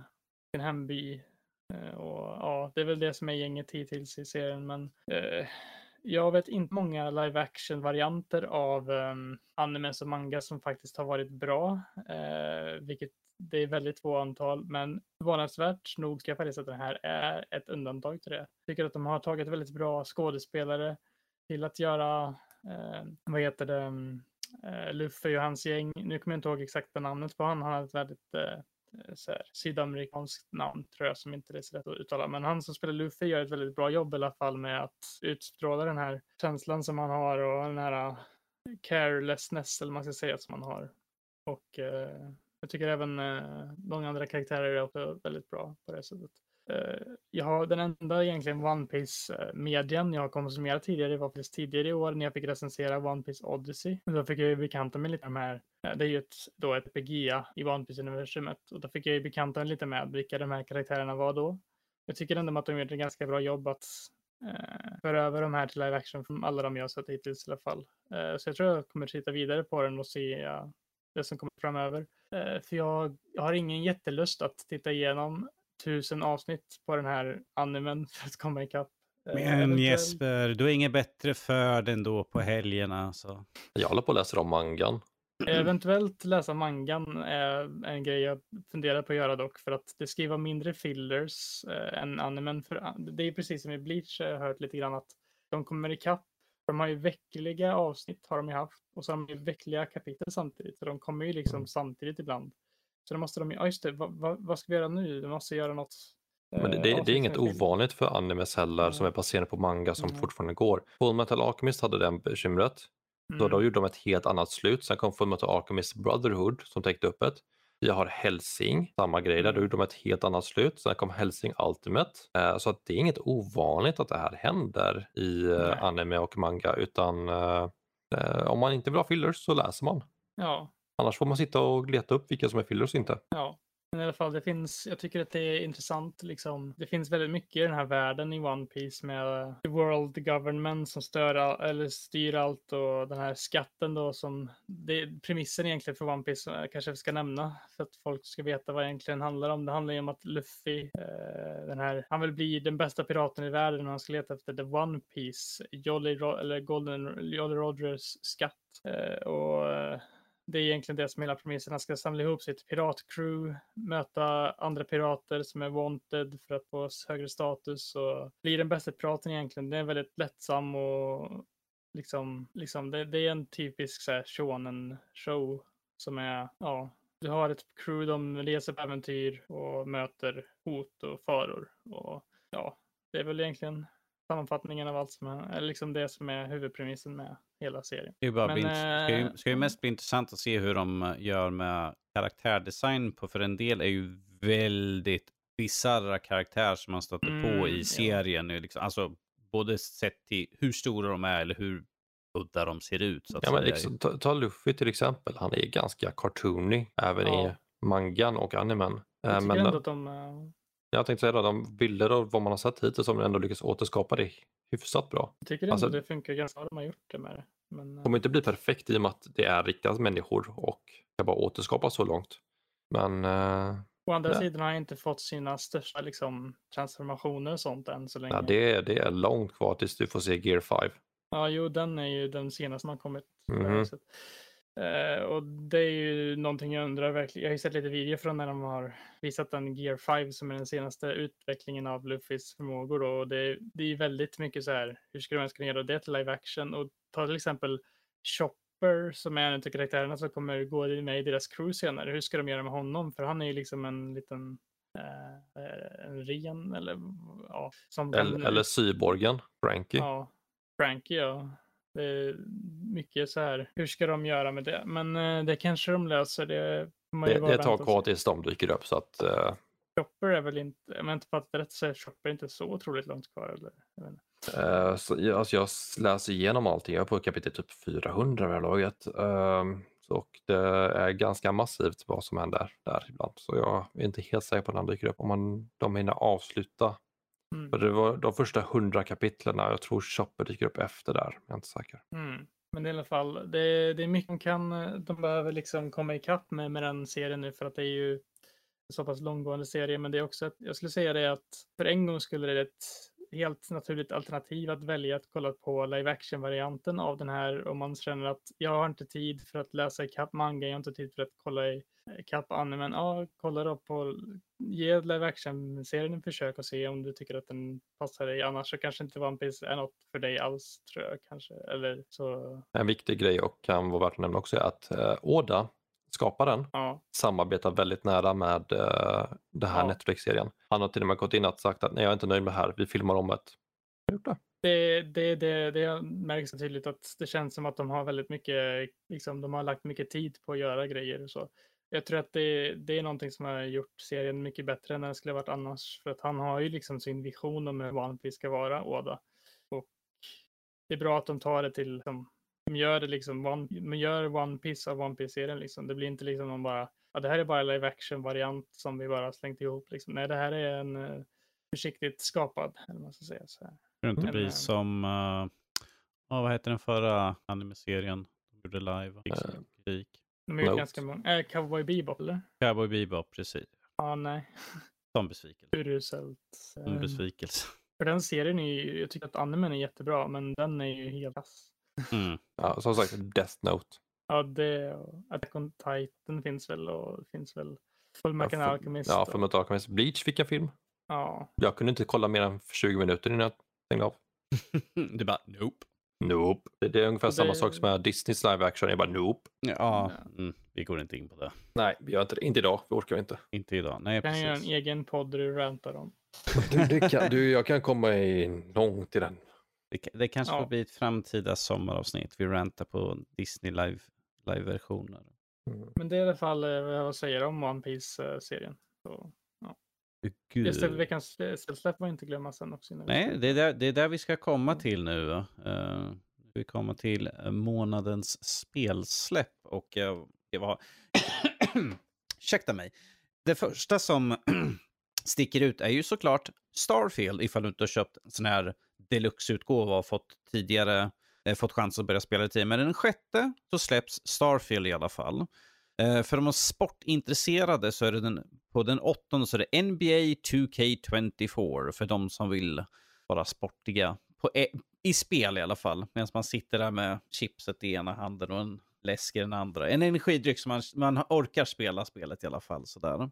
Vad har vi mer för någonting? Vi har Super Bomberman R2 den 13 för de som älskar Bomberman. Nyfiken, länge sedan jag körde ett Bomberman-spel. Eh, för bilfantasterna så har vi den 14 så har vi The Crew Motorfest. Eh, jag kan tyvärr säga att jag testade på den stängda betan och jag kanske inte var riktigt imponerad. Men så är det bara. Den 19 så har vi Lies of P, vilket ser väldigt intressant ut. Det är lite Pinocchio, lite Souls. Det kan bli spännande sådär. Och samma dag, den 19 så har vi Mortal Kombat 1.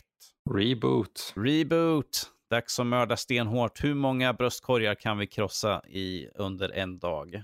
Minst fem. Minst fem, precis. Eh, den 21 har vi Payday 3. Eh, ett väldigt, väldigt många efterlängtat spel. Vi fick ju en väldigt liten teaser. Stod Payday 3 typ så här. Kommer någon gång. Man bara, nej, okej, det är allt ni får. Eh, Den 26 så är det Cyberpunk 2077 Phantom Liberty DLCn, vilket vi fick se här nu under Gamescom, där de visar upp alla uppdateringar och sånt som skulle vara för DLCn, men att alla de förbättringarna även skulle komma till huvudspelet, så att man behöver inte köpa den här för att få fördelarna av den. Ska vi se mer sport, mer sport, som- mer sport den 29. EA Sport FC 24. Så vi kan vara lite sportiga. Flyga, du tänkte, det såg ut som du bara, hmm, sport.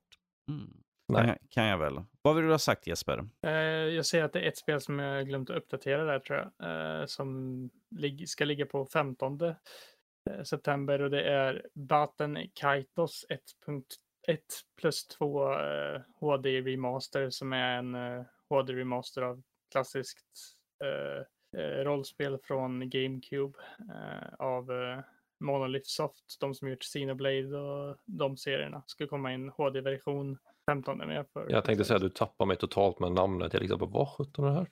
Det är ett eh, kortspels-RPG typ. Okej, okay, ja men då så. Jag, jag trodde han fick en stroke mitt i liksom ja, meningen. Nästan, nästan så. Det har, eh, det är i alla fall ett spel som är, kom till oss här i väst, eh, första spelet, och så finns det en prequel-spel som heter Button Kaitons Origins som aldrig släpptes här i väst. Så det är en blandning där. Liksom. Då vet vi vad Jesper kommer sitta och spela.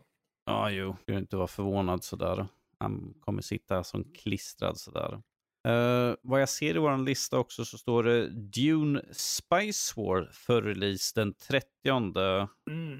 Uh, vet inte ifall det faktiskt stämmer, för vi har rödmarkerat där. Jag tror inte vi har, det, det, här, jag tror att det här är vad vi tror att det ska vara. Uh, jag vet inte ifall mm. det faktiskt stämmer till fullt ut.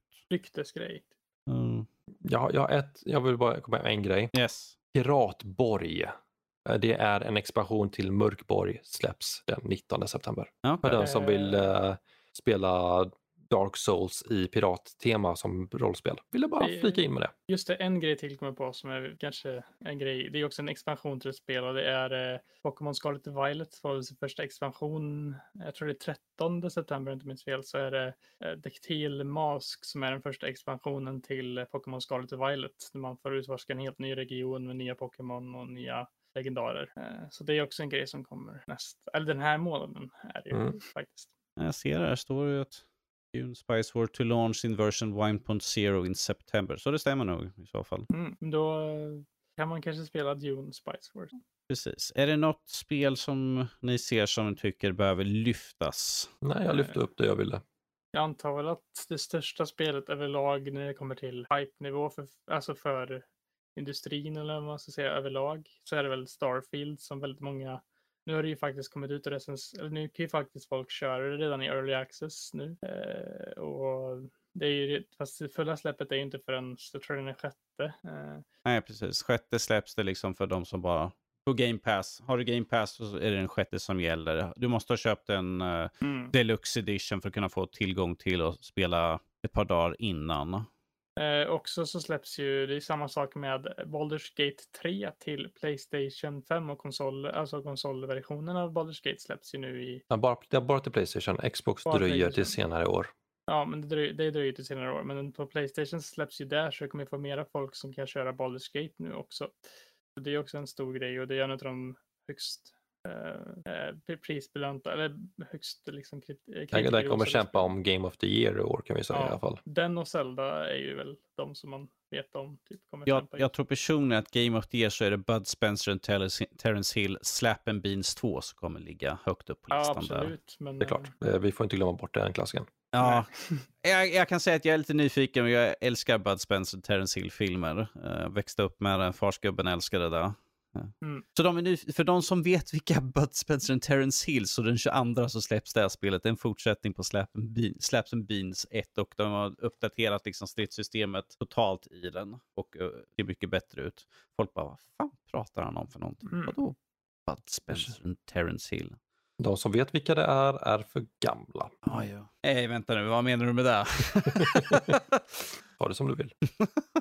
Men det är i alla fall månadens spelsläpp som är lite värt att nämna. Och lite andra lite mer roligare versioner som Bud Spencer och Terence Hill. Sådär. Men jag tänkte då att vi, innan vi avslutar så har vi Q&A eh, då vi har fått in två frågor. Den ena är från Sebastian eller Mendorian han kom, skriver så här. Kom på en fråga när jag lyssnade på senaste avsnittet. Vilket är det bästa spel ni skulle rekommendera som inte är mer än 10 timmar? Gärna neråt 6 eller 5 till 6 timmar. Och den första som poppar upp i mitt huvud är Brothers A Tales of Two Sons som är runt 3 timmar långt. Uh, och det är helt klart värt att spela igenom. Jag tycker det är en fantastisk historia med de båda bröderna. Plus ett intressant gameplay. Det är liksom twin stick där du styr de olika bröderna med varsin twin stick. Eh, och de har mm. olika sätt om saker de kan göra. Eh, och det är ju Josef Fares spel också. Så. Svenskt. Eh, jag skulle vilja säga ett ganska klassiskt exempel är väl typ What Remains of Edith Finch till exempel. Mm. Väldigt, det är inte ens två timmar knappt, det är typ två timmar långt, men det har mycket som händer på de timmarna. Liksom det är värt tiden att ta, i, ta sig an den. Det är en ganska unik upplevelse liksom, att se så mycket om den när man inte har spelat den. men uh, i alla fall ett story, väldigt storytungt äventyr. Uh, Stray är väl, tycker jag rätt hyfsat, tar inte så lång tid att spela igenom. Uh, ett kattäventyr som är lite mysigt med lite cyberpunk-estetik och det är, ja, något typ, ja, det finns ju många exempel att dra, men det kan jag väl säga. Ja, mitt huvud tänker jag på Beacon Pines. Ett mysigt lite Mm. berättelsespel. Där man ska lösa ett mysterium i Beacon Pines om vad som händer med byborna, invånarna där omkring. Eh, Ja. Tycker jag är ett bra exempel. Oxenfree-spel. Jag har inte spelat tvåan, men första Oxenfree är ju rätt liksom, intressant om man gillar mysterier och lite övernaturliga, liksom paranormal activity mysterium typ. Så rekommenderar jag i alla fall första, jag har inte kört andra än, men det rekommenderar jag. Eh, Night in the Woods är ett också väldigt starkt uh, story-tungt uh, kortspel. Uh, de handlar mycket om självsäkerhet och samhället och runt omkring en och sånt. Men ja, Ifall man vill ha eh, ifall vi ser till de eh, säsongerna av typ Telltale-spelen så är ju de relativt korta i alla fall. Så. Mm. Uh, ifall man räknar en säsong, typ Walking Dead säsong 2 som det heter, eh, är ju under 10 timmar, runt 10 timmar kanske. Så att om man räknar som separata, helt separata spel, fast de är egentligen kapitel mer eller mindre, eh, så har man ju en hel drös där bara man kan spela. Plus det är bra storyline. När Walking Dead var bättre. Vad Back är in the det- good old vad är- days. vad är det, en femte serie nu eller vad är vi inne på just nu? Jag vet som de inte, har- jag, jag slutade bry mig efter typ säsong 6. Ja, jag tror den fjärde eller femte serie, nya serien som de har börjat nu. Jag bara, really? Jag ja kommer inte ens ihåg vad den hette. Sådär. Så intressant var det för mig, min del att komma ihåg det. Ehm, men där är, där är i alla fall några förslag på spel. Har vi Mm. John Levin. Han skriver så här, slänger in en fråga igen. Gaming headset. Kör ni med sådana? Huvudet på just nu. Vad föredrar ni sett till hur ett sådant ska vara? Är på jakt att uppgradera själv så är jag jäkligt nyfiken. Förvisso läst era recensioner men vore kul att höra er snacka om det. Jag tänker jag slänger till er, er först sådär som jag, jag brukar. Utav oss tre så är jag en av de som recenserar mest headset. Jag tror jag är på en, nä- nära andra plats där utav oss tre. Ja, jag tror Eh, inte Jesper har gjort någon headset-recension. Men för min del, komfort. Mm. Absolut viktigast. Du ska sitta, om du sitter med det så ska du ha på dig den ett antal timmar. Och då är det viktigt att det inte skaver in i öronen. Har du glasögon så är det bra att du har headset som är anpassade för det. Det ska inte väga för tungt heller. Sen vill jag också ha lite sladd att röra mig med. Det ingår i komforten så att jag liksom inte sitter där och blir strypt så fort jag flyttar mig lite huvudet åt vänster. Ehm, jag är noga med mitt ljud. Jag vill ha liksom lite, jag vill, jag vill kunna höra, basen, vilket jag ofta tycker faller platt för min del. Men jag tycker om bas. Men för en diskant och mellanregistret tycker jag alltid lyckas komma igenom bra när jag lyssnar. Och så ska, om man ska också använda headsetet som samtals, som mikrofonen där att prata med så ska ju den också vara bra att kunna använda. Just nu sitter jag med ett HyperX Cloud 7.1, ett surround-system tror jag, eller om det är 5.1. Det står på min knapp här. 7.1 är det. Jag kan trycka på surround om jag vill. Eh, det är mina faktorer. Jag skulle säga komfort och ljudkvalitet är väl de största grejerna som kanske är eh, viktigast om man ska sitta i längre tider som du säger, liksom längre perioder. Att, eh, man vill ju inte ha något som känns obekvämt om man ska sitta liksom och njuta av någonting. Eller liksom bara koppla av, liksom, då ska det ju vara att du inte tänker på att du har headset på dig kanske till och med. Att det var liksom så pass att du inte liksom du blir besvärad på något sätt. Och även att ljudet inte typ hackar eller glappar eller eh, låter konstigt eller har någon konstig del, liksom grej där. Eh, sen beroende på om du vill ha ljud isolerat från annat runt omkring kanske kan vara bra också. Att du inte vill höra så mycket annat som är runt omkring för du har ju ändå headset på dig liksom. Uh, ja, det är väl ungefär samma tips där. Det bara... Och sen är det lite vad du själv är ute efter om du vill ha där gaming-headset där du ska ha någon mikrofon på. Så jag vet ju inte så jättemycket om vad du ska göra för jag använder allt, inte så ofta headset med mikrofon inbyggt. Men ja, Jag vill bara inflika att får jag välja så kör jag hellre med högtalare med headset. Att jag vill kunna Ja. höra runt omkring mig. Jag har, som- jag har små barn Så, eller Ja. hon är sex, hon blir sju nu. Jag vill inte kunna höra vad som händer. Uh, headset är bra för samtal. När jag sitter och Mm. pratar med er som med er nu till exempel. För då, det, det blir lite dumt med ekot om ni har högtalarna precis samtidigt och pratar hela tiden. Mm. Jag brukar också köra, liksom när jag kör spel via tvn på en konsol så brukar jag inte alltid ha på mig headset. Men det är alltid när jag har suttit med datorn så brukar det automatiskt att jag kör med headsetet. Är Jag liksom har inga här- högtalare i datorn så det är därför jag kör med headset. Jag har också inga högtalare i dator så det blir liksom eh, ta det som du blir bäst liksom. Men eh, det beror på, ja, det finns eh, i alla fall av de två grejerna som jag nämnde där är eh, bekvämlighetsfaktorn och ljudet är väl det viktigaste. Mm. Men resten är upp till dig lite grann vad du själv har preferenser med eh, olika faktorer. Och nu kommer vi till headset-norskan. Vad har han för expertis i området? Oh, absolut ingen alls. Jag skriver en massa strunt när jag gör mina recensioner. Jag sätter det på huvudet och lyssnar lite grann. Jag bara, ja det är bra. Nu skriver jag en recension. Mm. Jag önskar det vore så Bra, enkelt. bra, bra sätt att förminska alla recensioner du någonsin har gjort. Jag vet, gud. Ah, nej. Jag skulle önska det vore så enkelt. Liksom. Jag sitter så mycket med headset. Eh, mitt headset som jag använder just nu är HyperX Cloud Alpha Wireless. Vilket har, varför jag har det här, det har 300 timmars batteritid. Det är trådlöst. Jag har inget, jag, mitt headset som jag sitter just nu är ett Blue headset. Det är studio Eh, headset, men det är bara för att det är för podcast. Men att det är sladd. Jag sitter fast vid eh, datorn och kan inte gå iväg. Jag, förutom det som ni pojkar har sagt, liksom komfort, bra ljudbild och sånt där, så har jag liksom att jag vill ha trådlöst. Jag vill kunna röra mig runt för att även fast jag sitter och spelar spel, kanske händer att jag tar en paus, jag går ut på balkongen, liksom slår igång någon podd på datorn, fortsätter att lyssna, jag kanske går in i sovrummet eller något sånt där. Eh, så att jag vill gärna ha liksom mobiliteten. Eh, samt att en av mina saker som är viktigt för mig när jag ser utav alla headset som jag har, liksom så här, vilket ska jag använda, så är det liksom att jag vill ha multiplattformstöd. Det här headsetet har stöd liksom för både dator och för Playstation, vilket är, ifall att recensera på konsol så är det Playstation vanligast. De vi plockar in koder baserat på de plattformar vi har. Vi har mer folk som har Playstation eller som har Xbox. Så därför tycker jag det är skönt att den här, så jag kan liksom bara plugga ut min dongel, plugga in den i Playstationet och sen kan jag liksom bara fortsätta och köra där och höra lika bra.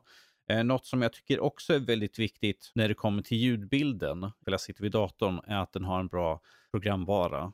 Jag vill, även fast, även för att headset har kanske en bra grundljudbild så vill jag kunna, kunna gå in i programvaran och ändra på EQ. Jag vet inte hur många headset och sånt som har haft en okej grund i sig men att det finns saker som jag skulle vilja ändra. En del, eh, om vi tar går, byter till in-ear-hörlurar, vilket jag har gjort väldigt mycket, att en del har absolut ingen, ingen, ingen app, ingen programvara, där basen kanske tar över ljudbilden. Jag skulle önska att jag kunde gå in, ändra om, sänka basen, höja upp diskanten mellan registret eller något sånt där för att balansera ut. Eller att det finns, eh, väldigt många har ju sådana här förvalda EQ-profiler, vilket kan vara väldigt skönt. Till exempel, ja, men jag ska köra ett racingspel, ja, men det finns en racing-setting, det finns ett FPS, eller det finns något, så det finns liksom förvalt, eller att man kan liksom gå in själv. Jag tycker om att kunna ha, att jag kan ändra ljudet till att passa min hörsel bäst, liksom hur jag vill ha. Jag kanske har lite problem med att höra höga toner. Ja, det är liksom, då, jag, då kan jag liksom ändra om liksom så att jag får ut maximalt ljud, ljudbild då helt enkelt. Uh, utöver det så tycker jag ifall det är gaming och du ska köra co-op, mikrofon är också en väldigt viktig sak i så fall. För något som är problemet med mikrofoner och då också på, på trådlösa är att det kanske har den här lite tunna ljudbilden. Men att vi ser allt mer att det blir bättre och bättre på den biten generellt sett så får jag skriva så här, det är en okej ljudbild, du hörs bra, folk förstår vad du säger för att mm. i grund och botten för headsets mikrofoner, det är inte så många som har haft jättebra. Vi har haft några headset som vi har fått till oss som det har varit faktiskt riktigt fantastiskt ljud, men att då brukar de vanligtvis fallera på något annat, att ljudbilden är lite usel, men att mikrofonen är fantastisk. så det är tyvärr väldigt svårt att få det perfekta med att eh, just nu som sagt Hyper, HyperX Cloud Alpha Wireless är det som jag skulle liksom rekommendera i så fall för att jag använder det här när jag spelar spel på Playstation, när jag sitter vid datorn. Jättebra ljudbild uh, tycker jag så. Den har ju stöd för DTS, uh, eh, partial audio liksom så att och jag kan gå in och ändra EQ och allt sånt där så finns mycket jag kan leka runt med. Eh, väldigt bra programvara tycker jag i alla fall så. Um, sen kommer vi till en, en av de viktigaste bitarna och det är ju prisklass. stora märken, högpris. Eh, jag menar på det här headsetet så, det som jag hade som negativt är att prisbilden kan avskräcka köpare. När det är ett par tusen lappar man snackar, då kan folk bara Uh, jag kanske kan hitta någonting billigare. Problemet också nu är att många headset brukar börjar komma upp att de ligger i samma klass. Det är svårt liksom för headset att sticka ut mot de andra som finns. Då är ju vanligtvis prisbilden den som man ska kolla på. För att många av dem kan ha exakt samma lika goda kvaliteter eller exakt samma saker som liksom är dåliga. Och då är det liksom prisbilden som gäller. Um, så det, men det viktigaste är alltid att ifall man kan, ifall man finns i butik där man kan testa på headset så skulle jag säga det också. För att passform som sagt är väldigt viktigt. En del headset kan vara liksom HyperX har en, sin klassiska form. Jag sitter och håller just nu. Ingen, alla som lyssnar kan se men att Jesper och Fyga kan se mig liksom sitter och vinkar här. Men liksom att det har en klassisk eh, passform liksom som passar alla. Men vi har haft många andra som har liksom det sitter för hårt över öronen eller att de sitter för löst, liksom det glappar, det är ljudläckage. Uh, ifall du har liksom tyg, eh, fejkläder eller ifall du har tyg och då läcker det ut. Och speciellt ifall du spelar spel och de hör liksom musik som, som läcker genom mikrofonen till och med, vilket jag har haft på något headset, vilket man tycker är väldigt udda. Så alltid testa på. Har du en kompis som har ett headset som du är nyfiken på, testa det i så fall, se vad du tycker. För att du kan inte få en bästa. Att läsa en recension, det är bra, men att, att testa ett headset och faktiskt få din egna erfarenhet och se liksom, är det här vad jag vill ha? Det är nog det bästa möjliga som finns egentligen. För det är väldigt subjektivt när det, det kommer Det är väldigt subjektiv. Till... Jag har en, min hörsel är som den är och vad, hur jag hör och tycker kommer liksom, är ju min personliga liksom. Att någon annan som kanske lyssnar på tycker liksom att jag tycker inte att basen är så hemskt bra.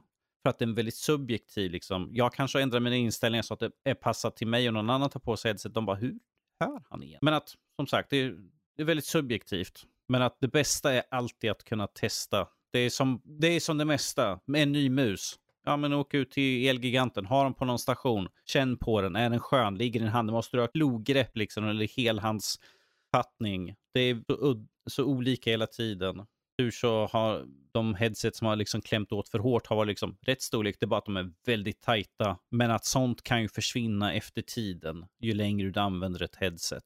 Det kommer inte liksom sitta som en sugklocka mot huvudet 24-7 utan det kommer ju ge med sig med tiden. Kanske gör lite ont i början men att efter ett tag så kommer de ju sitta som en smäck helt enkelt. Det är i alla fall vad jag, vad jag, lilla jag har att säga om headset i alla fall. Ingenting mer att mm. tillägga, boys? Nope. Nej. Nope. Då tar vi väl och rundar... Har jag glömt någonting? Jag har inte glömt någonting. Nej. Good. Då tar vi och rundar av dagens avsnitt. Det är ett ganska köttigt och långt avsnitt den här gången. Så... Det är väldigt långt. Det är väldigt långt. där. Men vill ni ha mer av oss så kan ni hoppa in på vår hemsida nördliv.se alternativt nordlivpodcast.se. Det går till samma plats, det är bara olika adresser så att säga. Eh, vill ni skriva, hör av er till oss. Eh, skriv då på info.nordlivpodcast.se och ni kan ju då skriva våra förnamn så kommer ni, kan ni mejla direkt till oss. Eh, vill ni ha oss på sociala medier så är det atnordliv.se på Twitter, Instagram och jag tror på Facebook så är det bara att söka Nördliv.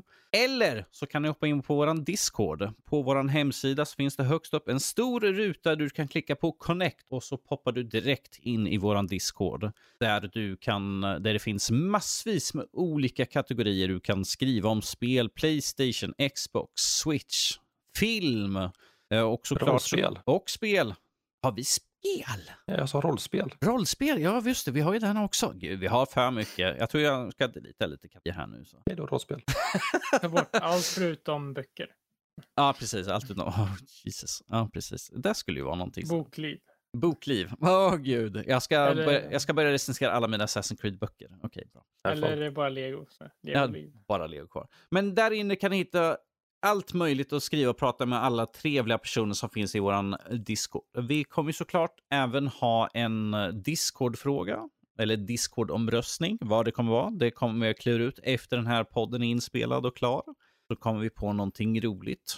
Men med det sagt så får jag tacka både Fygar och Jesper för den här veckan och jag får tacka mig själv och så hörs vi nästa vecka.